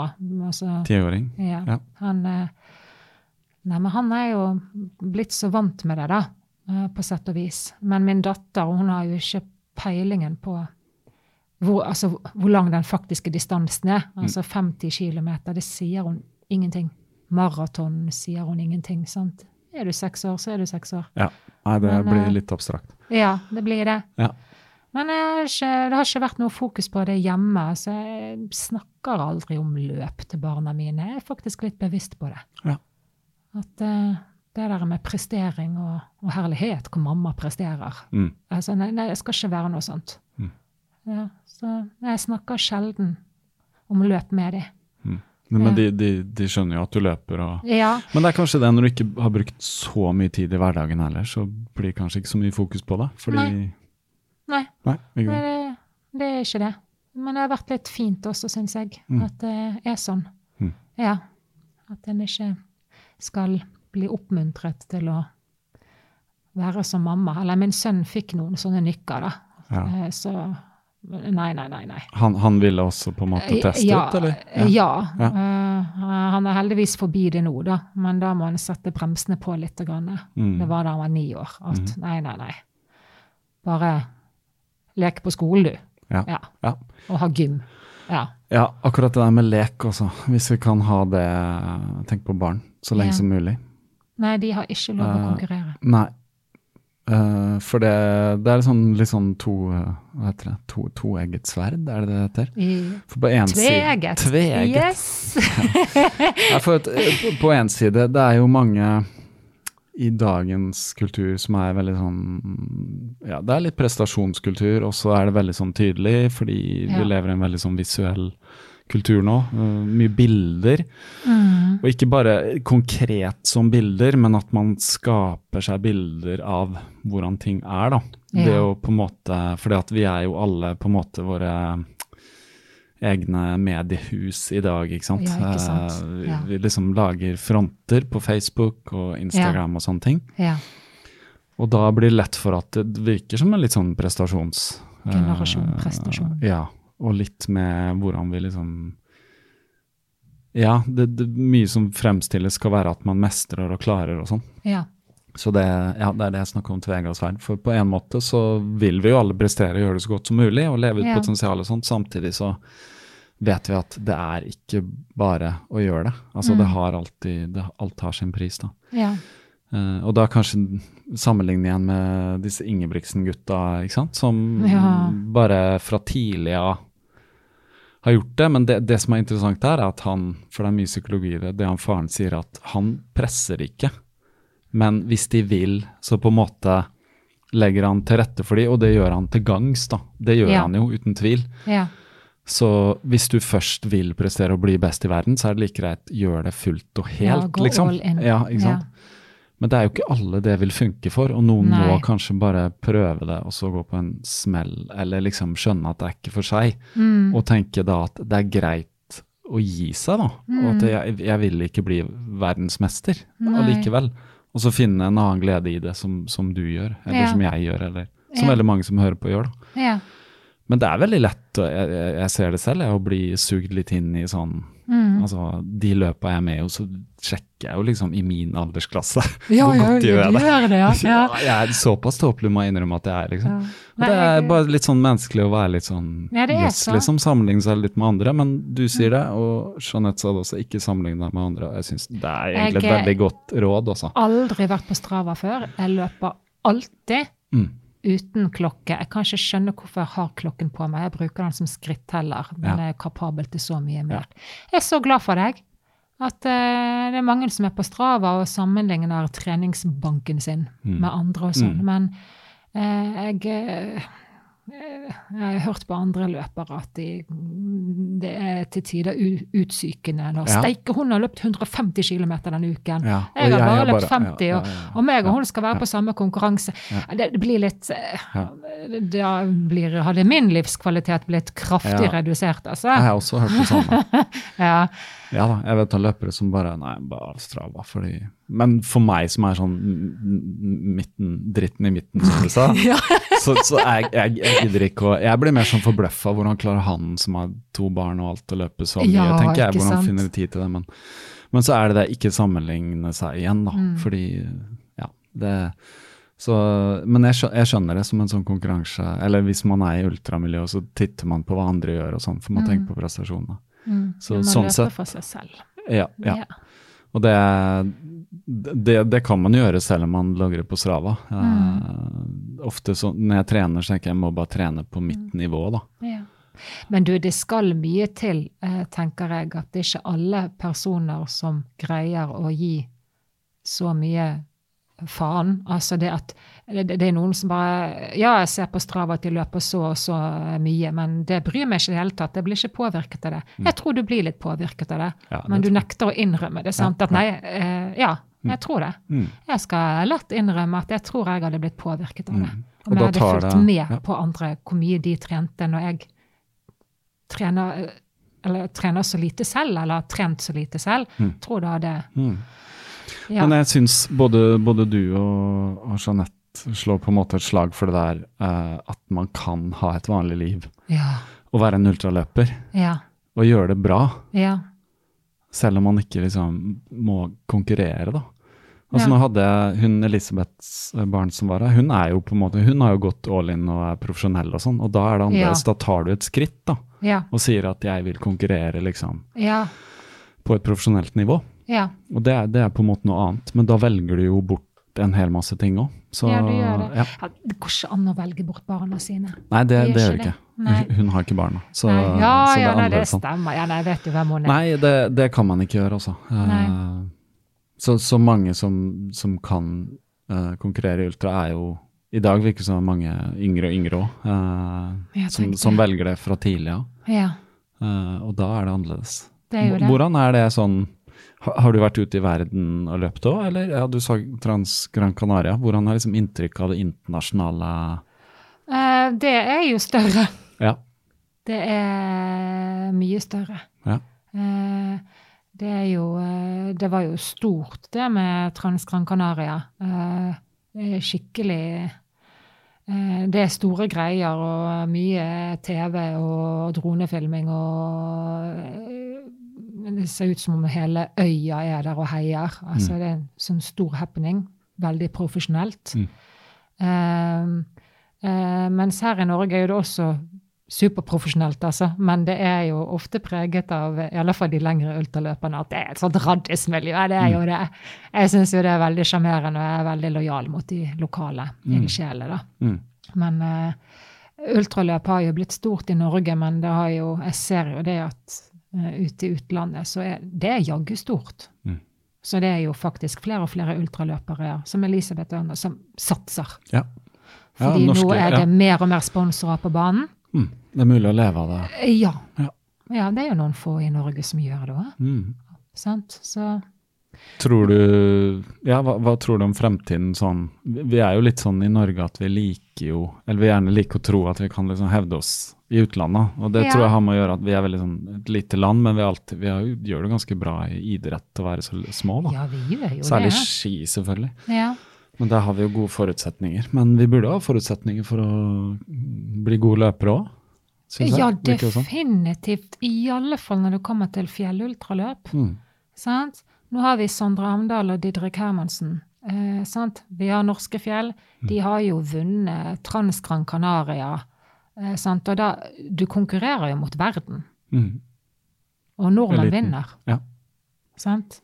Jeg tror nordmenn har et veldig bra utgangspunkt. Også sikkert pga. kulturen vår også. Vi bor ikke i New York, vi går mye. vi, Mm. altså, De fleste byer har skog og mark og Ja. fjell rundt seg. Ja. Altså mange steder i landet. Ja. Selv i Oslo, egentlig, som Ja. er en storby. Ja, jeg tror vi hadde ultraløpet vært OL, så tror jeg jaggu vi hadde hatt en kandidat eller to på banen, altså. Ja. Ja. Tror du det kan bli en OL-gren? Det er kanskje Vet vanskelig hva, å spekulere nei, ja, men vet du hva, dette har vi diskutert, og det skulle det egentlig. For ultraløp, eh, det er jo eh, verdens eldste sport. Mm. Sant? Og OL ble jo til for å hedre eh, mennesket Altså eller eh, aktiviteter mennesker har gjort mellom århundrer og årtusener. Så det er derfor spydkast var OL-greien, og bueskyting og høydehopp og alt det der. Det ble til. Eh, men ultraløp og sånn kom aldri på banen pga. Eh, underholdningsverdien. En må jo tenke på det med at det skulle jo være på en arena. Nettopp. Og eh, det det var ingen interesse for det. Mm. ikke i det hele tatt. Nei, det er liksom Du, du, Ja. du syns ikke mest av tiden. Nei, det syns ikke. Men nå har jo det, blitt, det temaet blitt tatt opp med komiteen. Mm. For, nå, eh, for det hadde jo oppriktig vært interessant nå. Lett å følge med på. Det er dronekameraer, og det er jo TV-innslag. En trenger ikke å følge med på ultraløpet i et døgn. Det kan jo være som sånn mellominnslag, da. Mm. For det er jo det de har reagert på, at i mellomtiden så har steike, altså pistolskyting har blitt OL. Mm. Ja, det er jo alle mulige grener som Ja, er OL. Så er det har vært kraftige reaksjoner på hvorfor har ikke verdens eldste sport Mm. kommet med i OL. Og Mm. argumentet gjennom mangfoldige årtier, det har vært underholdningsverdien. Mm. Den mener jeg er borte nå. Jeg tror det er en stor underholdningsverdi. Mm. Så vi får se i framtiden. Ja. Ja. Altså, jeg, jeg tror det skjer, fordi når det kommersielle kommer på banen, og sånn som det er blitt nå i, i, med antall sponsorer og Ja, ja, også publikums interesse, da. At, Ja. eh, og, og ja, eh, Instagram og mange blir store personligheter som er, er løpere, ikke sant. Internasjonalt, så OL er fysisk styrke. Dette det er jo konkurranse om fysisk styrke.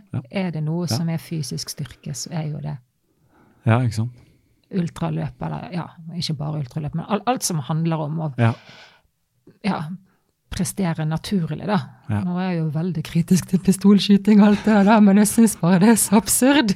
ja, det er Når absurd. først de søker opp nye sportsgreiner til OL-komiteen, så Ja. får de innpass. Ja.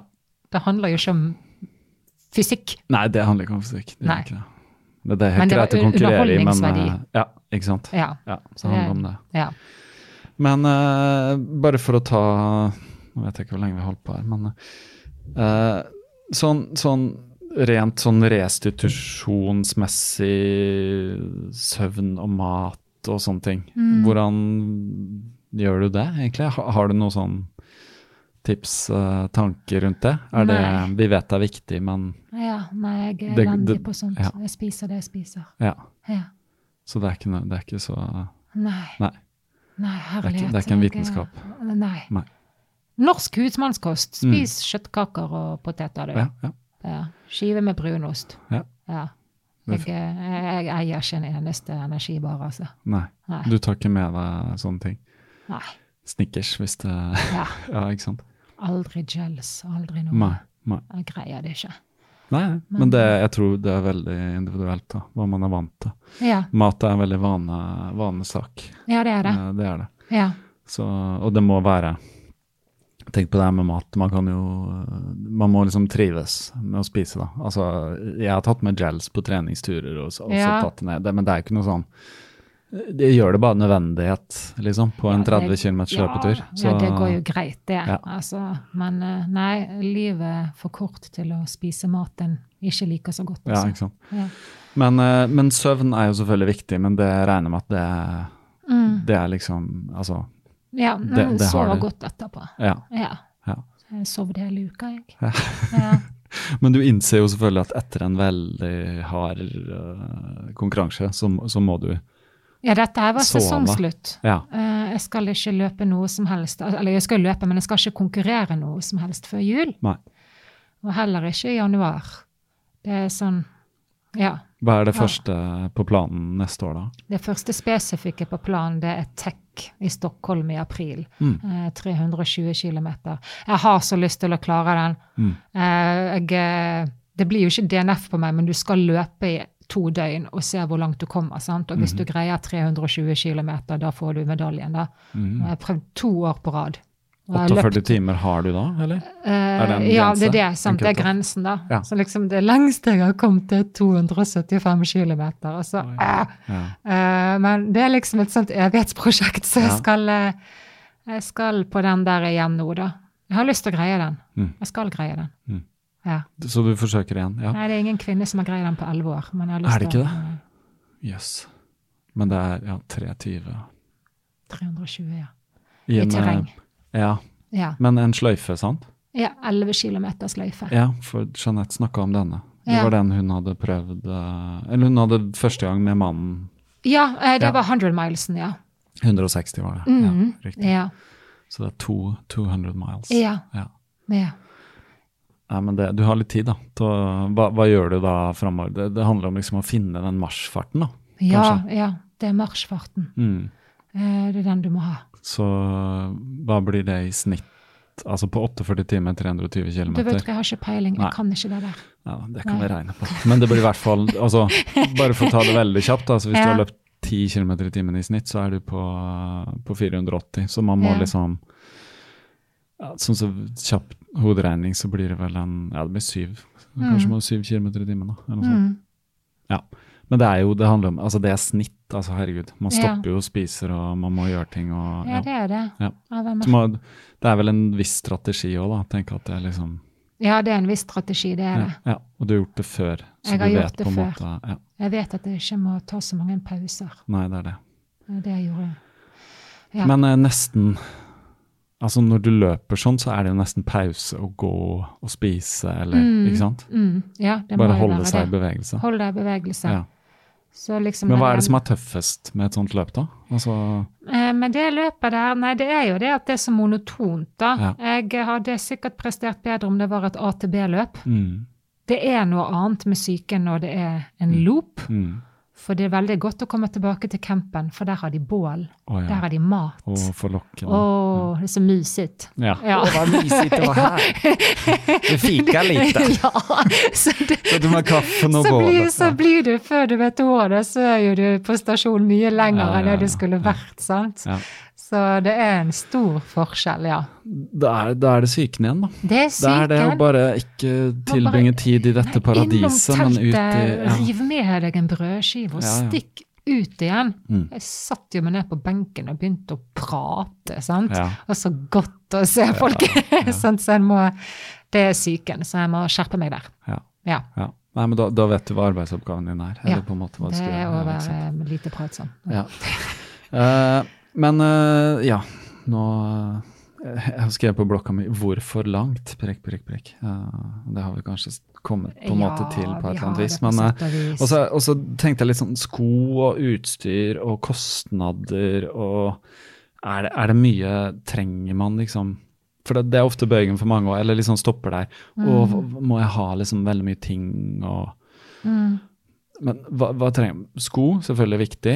mm, Å ha noe skiftig og sånn. mm. Eh, eh, klær, selvfølgelig. Men altså, er det mye vester og mye sånn Den koden har ikke jeg knekt, f.eks. Uh, de der vestene, løpevestene og Ja, nei, jeg eh, har eh, Jeg har den der eh, gode, gamle ryggsekken min. Mm.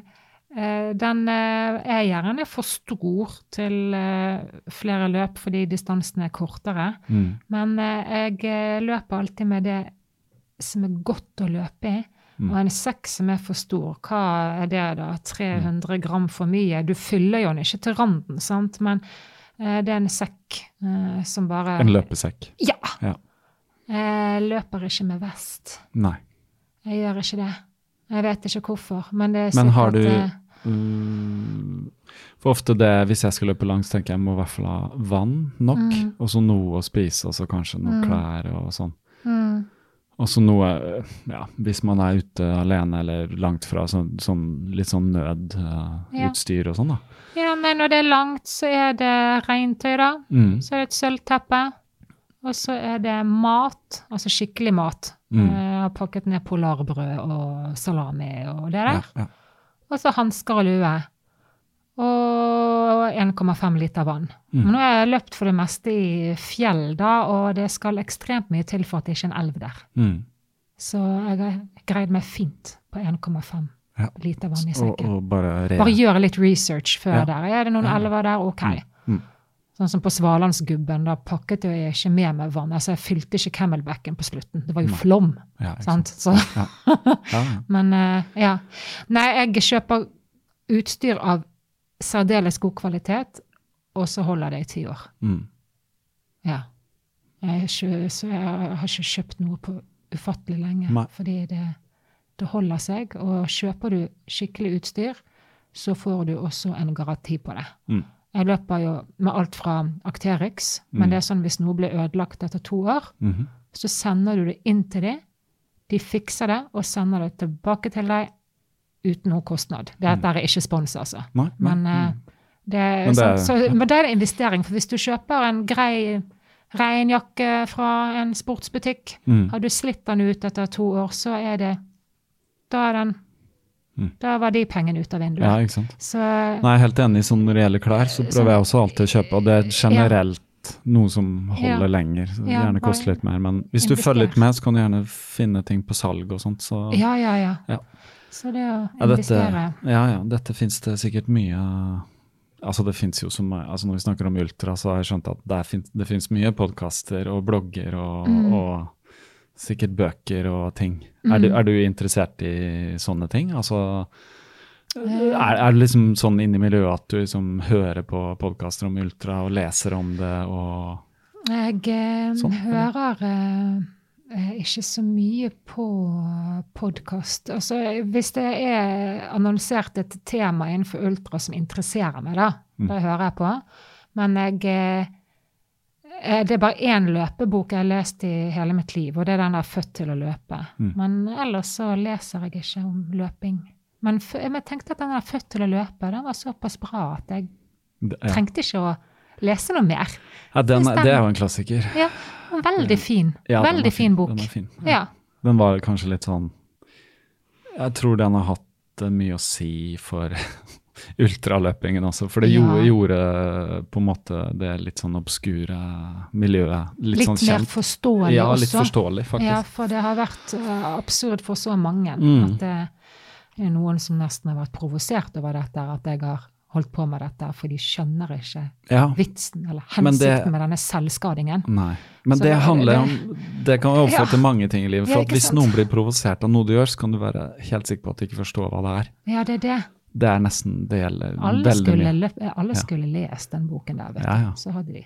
Ja. Det er, jeg, jeg kan jo tipse, jeg har, jeg har mast om den her på podkasten fordi jeg Ja. syns den er god. Det er en bok som er ute nå som handler om ultraløping. Eh, av litt samme, liksom, at en, at en journalist går inn i miljøet og vil liksom Ja, forstå det litt fra innsiden. ja, Og det er en fyr som heter Adaranan Finn, ok. som er journalist i The Guardian i England og skriver Ja. litt frilans. Så han har skrevet tre bøker om løping. Ja, Og den siste heter The Rise of the Ultra Runners, hvor han går inn i Ja, ultra og løper ultra selv. da. Går fra å være en maratonløper egentlig til å, The Rise å of the Ultras. Ja. Ultra Runners, ja. Mm. Så, og de som har lest den, som har kommet tilbake med til meg, syns den er veldig god. Jeg leste den én gang, og så hørte jeg den på lydbok. eh, fordi hun, eh, Elisabeth Barnes, hun Ja. er så vidt med i den boken. Fordi hun det, ja. treff, treffer han uh, journalisten Kult. på hans første etappeløp, for han løp sånn um, inne i Oman, tror jeg, et etappeløp og mange dager gjennom ørkenen der. Å ja, ja, Oman Desert Ja, jeg Ja, helt sånn Desert det race, Uh, Ja. så, så da treffer han henne, og så hun blir litt sånn inngangen. Ja, Ja. ja ikke sant. Så den kan jeg tipse om. Eh, Ja. den, Den er bra. Den, er- den syns jeg er veldig bra. Ja, det Eh, har vært så utrolig mange løpebøker, så jeg blir Ja, litt det er- sånn det er at mye, til er slutt mye. så er det nesten så jeg ignorerer det, for Ja. nå er det eksplosivt. Ja. Så jeg tenker at ingenting som matcher født til å løpe. Men jeg Nei. kan ikke skjønne hvorfor jeg tenker det når jeg ikke har lest de andre. Men Nei, ikke sant. Men uh, ja. Men vet du hva, Øyunn, jeg tror vi er liksom igjennom alle de uh, tingene her som, uh, som ja, jeg håper Jeg føler dette har vært en litt annerledes samtale igjen. Man tenker setter seg ned med atter en ultraløper at man snakker om de samme tingene. Ja. Men alle har sine personlige erfaringer. Veldig gøy å høre din. Å ja, nei, vi er dønn forskjellige. Ja, alle er dønn forskjellige. Ja, vi er det. Og det, men det, er liksom, det er liksom gøy å høre forskjellige erfaringer og forskjellige synspunkt på det. Og det Ja. sier jo at uh, man trenger ikke være sånn eller sånn for Nei. å være en løper eller en ultraløper. Nei. Så alle, alle må finne sin vei inn i det. Ja. Ja. Og så man finner, Jeg vet man finner deg på sosiale medier. Uh, mm. Det kan jeg lenke til, og så kan jeg følge deg der. ja. Så hyggelig. Takk, takk for at du kom, og uh, lykke til med hele opptreningen fram mot uh, Tech i Stockholm, var det? Mm. Ja. Så snakkes vi sikkert igjen. Det gjør vi. Kanskje jeg må komme innom Bislett 24 timer. Det må du. Ja. Okay. Ok, Ha det godt. Ha det godt, da.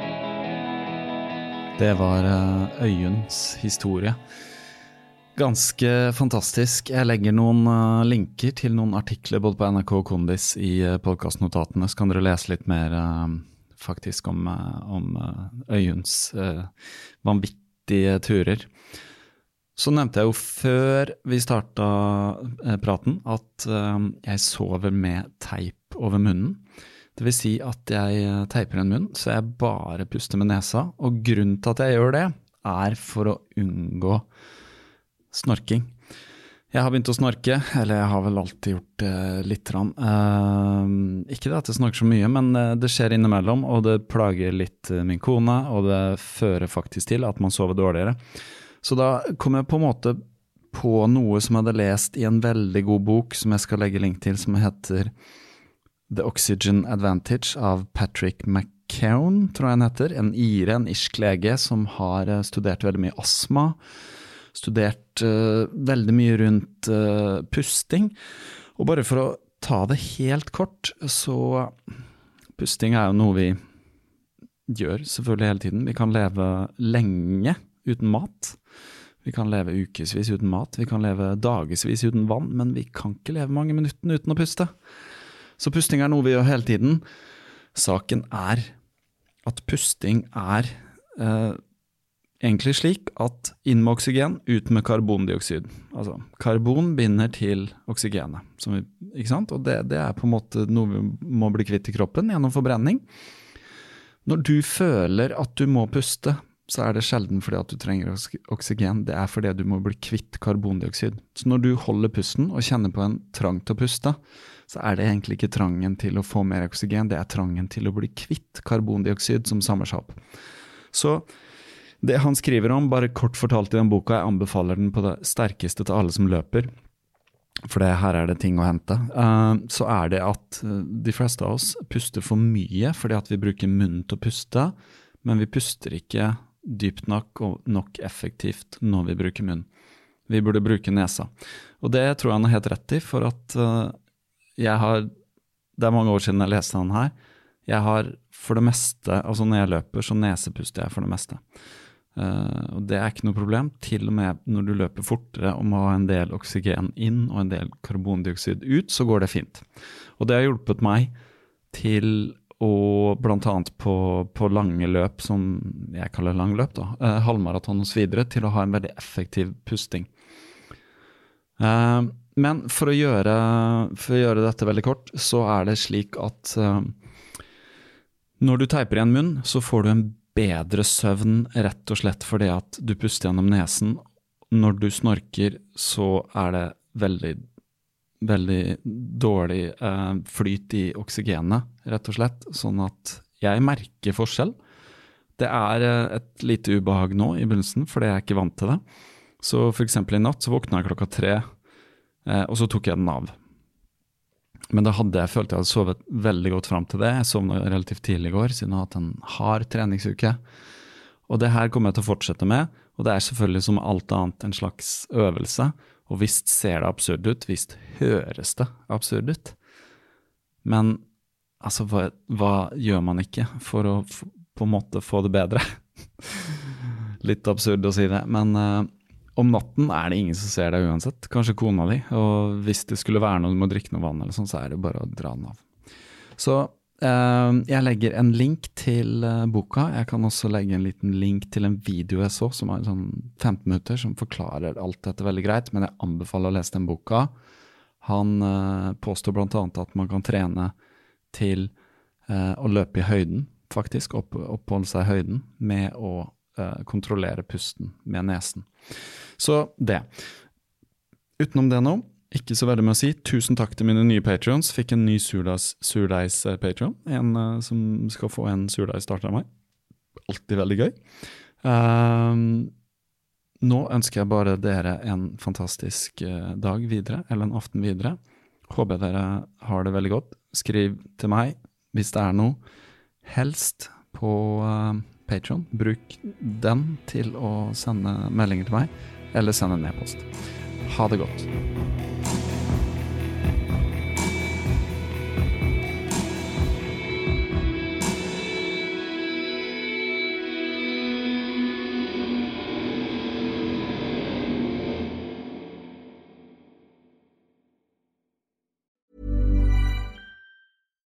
Deserves the best, and there's no better place to shop for Mother's Day than Whole Foods Market. They're your destination for unbeatable savings, from premium gifts to show-stopping flowers and irresistible desserts. Start by saving 33% with Prime on all body care and candles. Then get a 15-stem bunch of tulips for just $9.99 each with Prime. Round out Mom's menu with festive rosé, irresistible berry chantilly cake, and more special treats. Come celebrate Mother's Day at Whole Foods Market. Planning for your next trip? Elevate your travel style with Quince. Quince has all the jet setting essentials you'll want for your next getaway, like European linen, premium luggage options, buttery soft Italian leather bags, and so much more. And it's all priced at 50 to 80% less than similar brands. Plus, Quince only works with factories that use safe and ethical manufacturing practices. Pack your bags with high-quality essentials you'll be wearing for vacations to come with Quince. Go to quince.com slash trip for free shipping and 365-day returns. Hey, it's Paige DeSorbo from Giggly Squad. High quality fashion without the price tag. Say hello to Quince.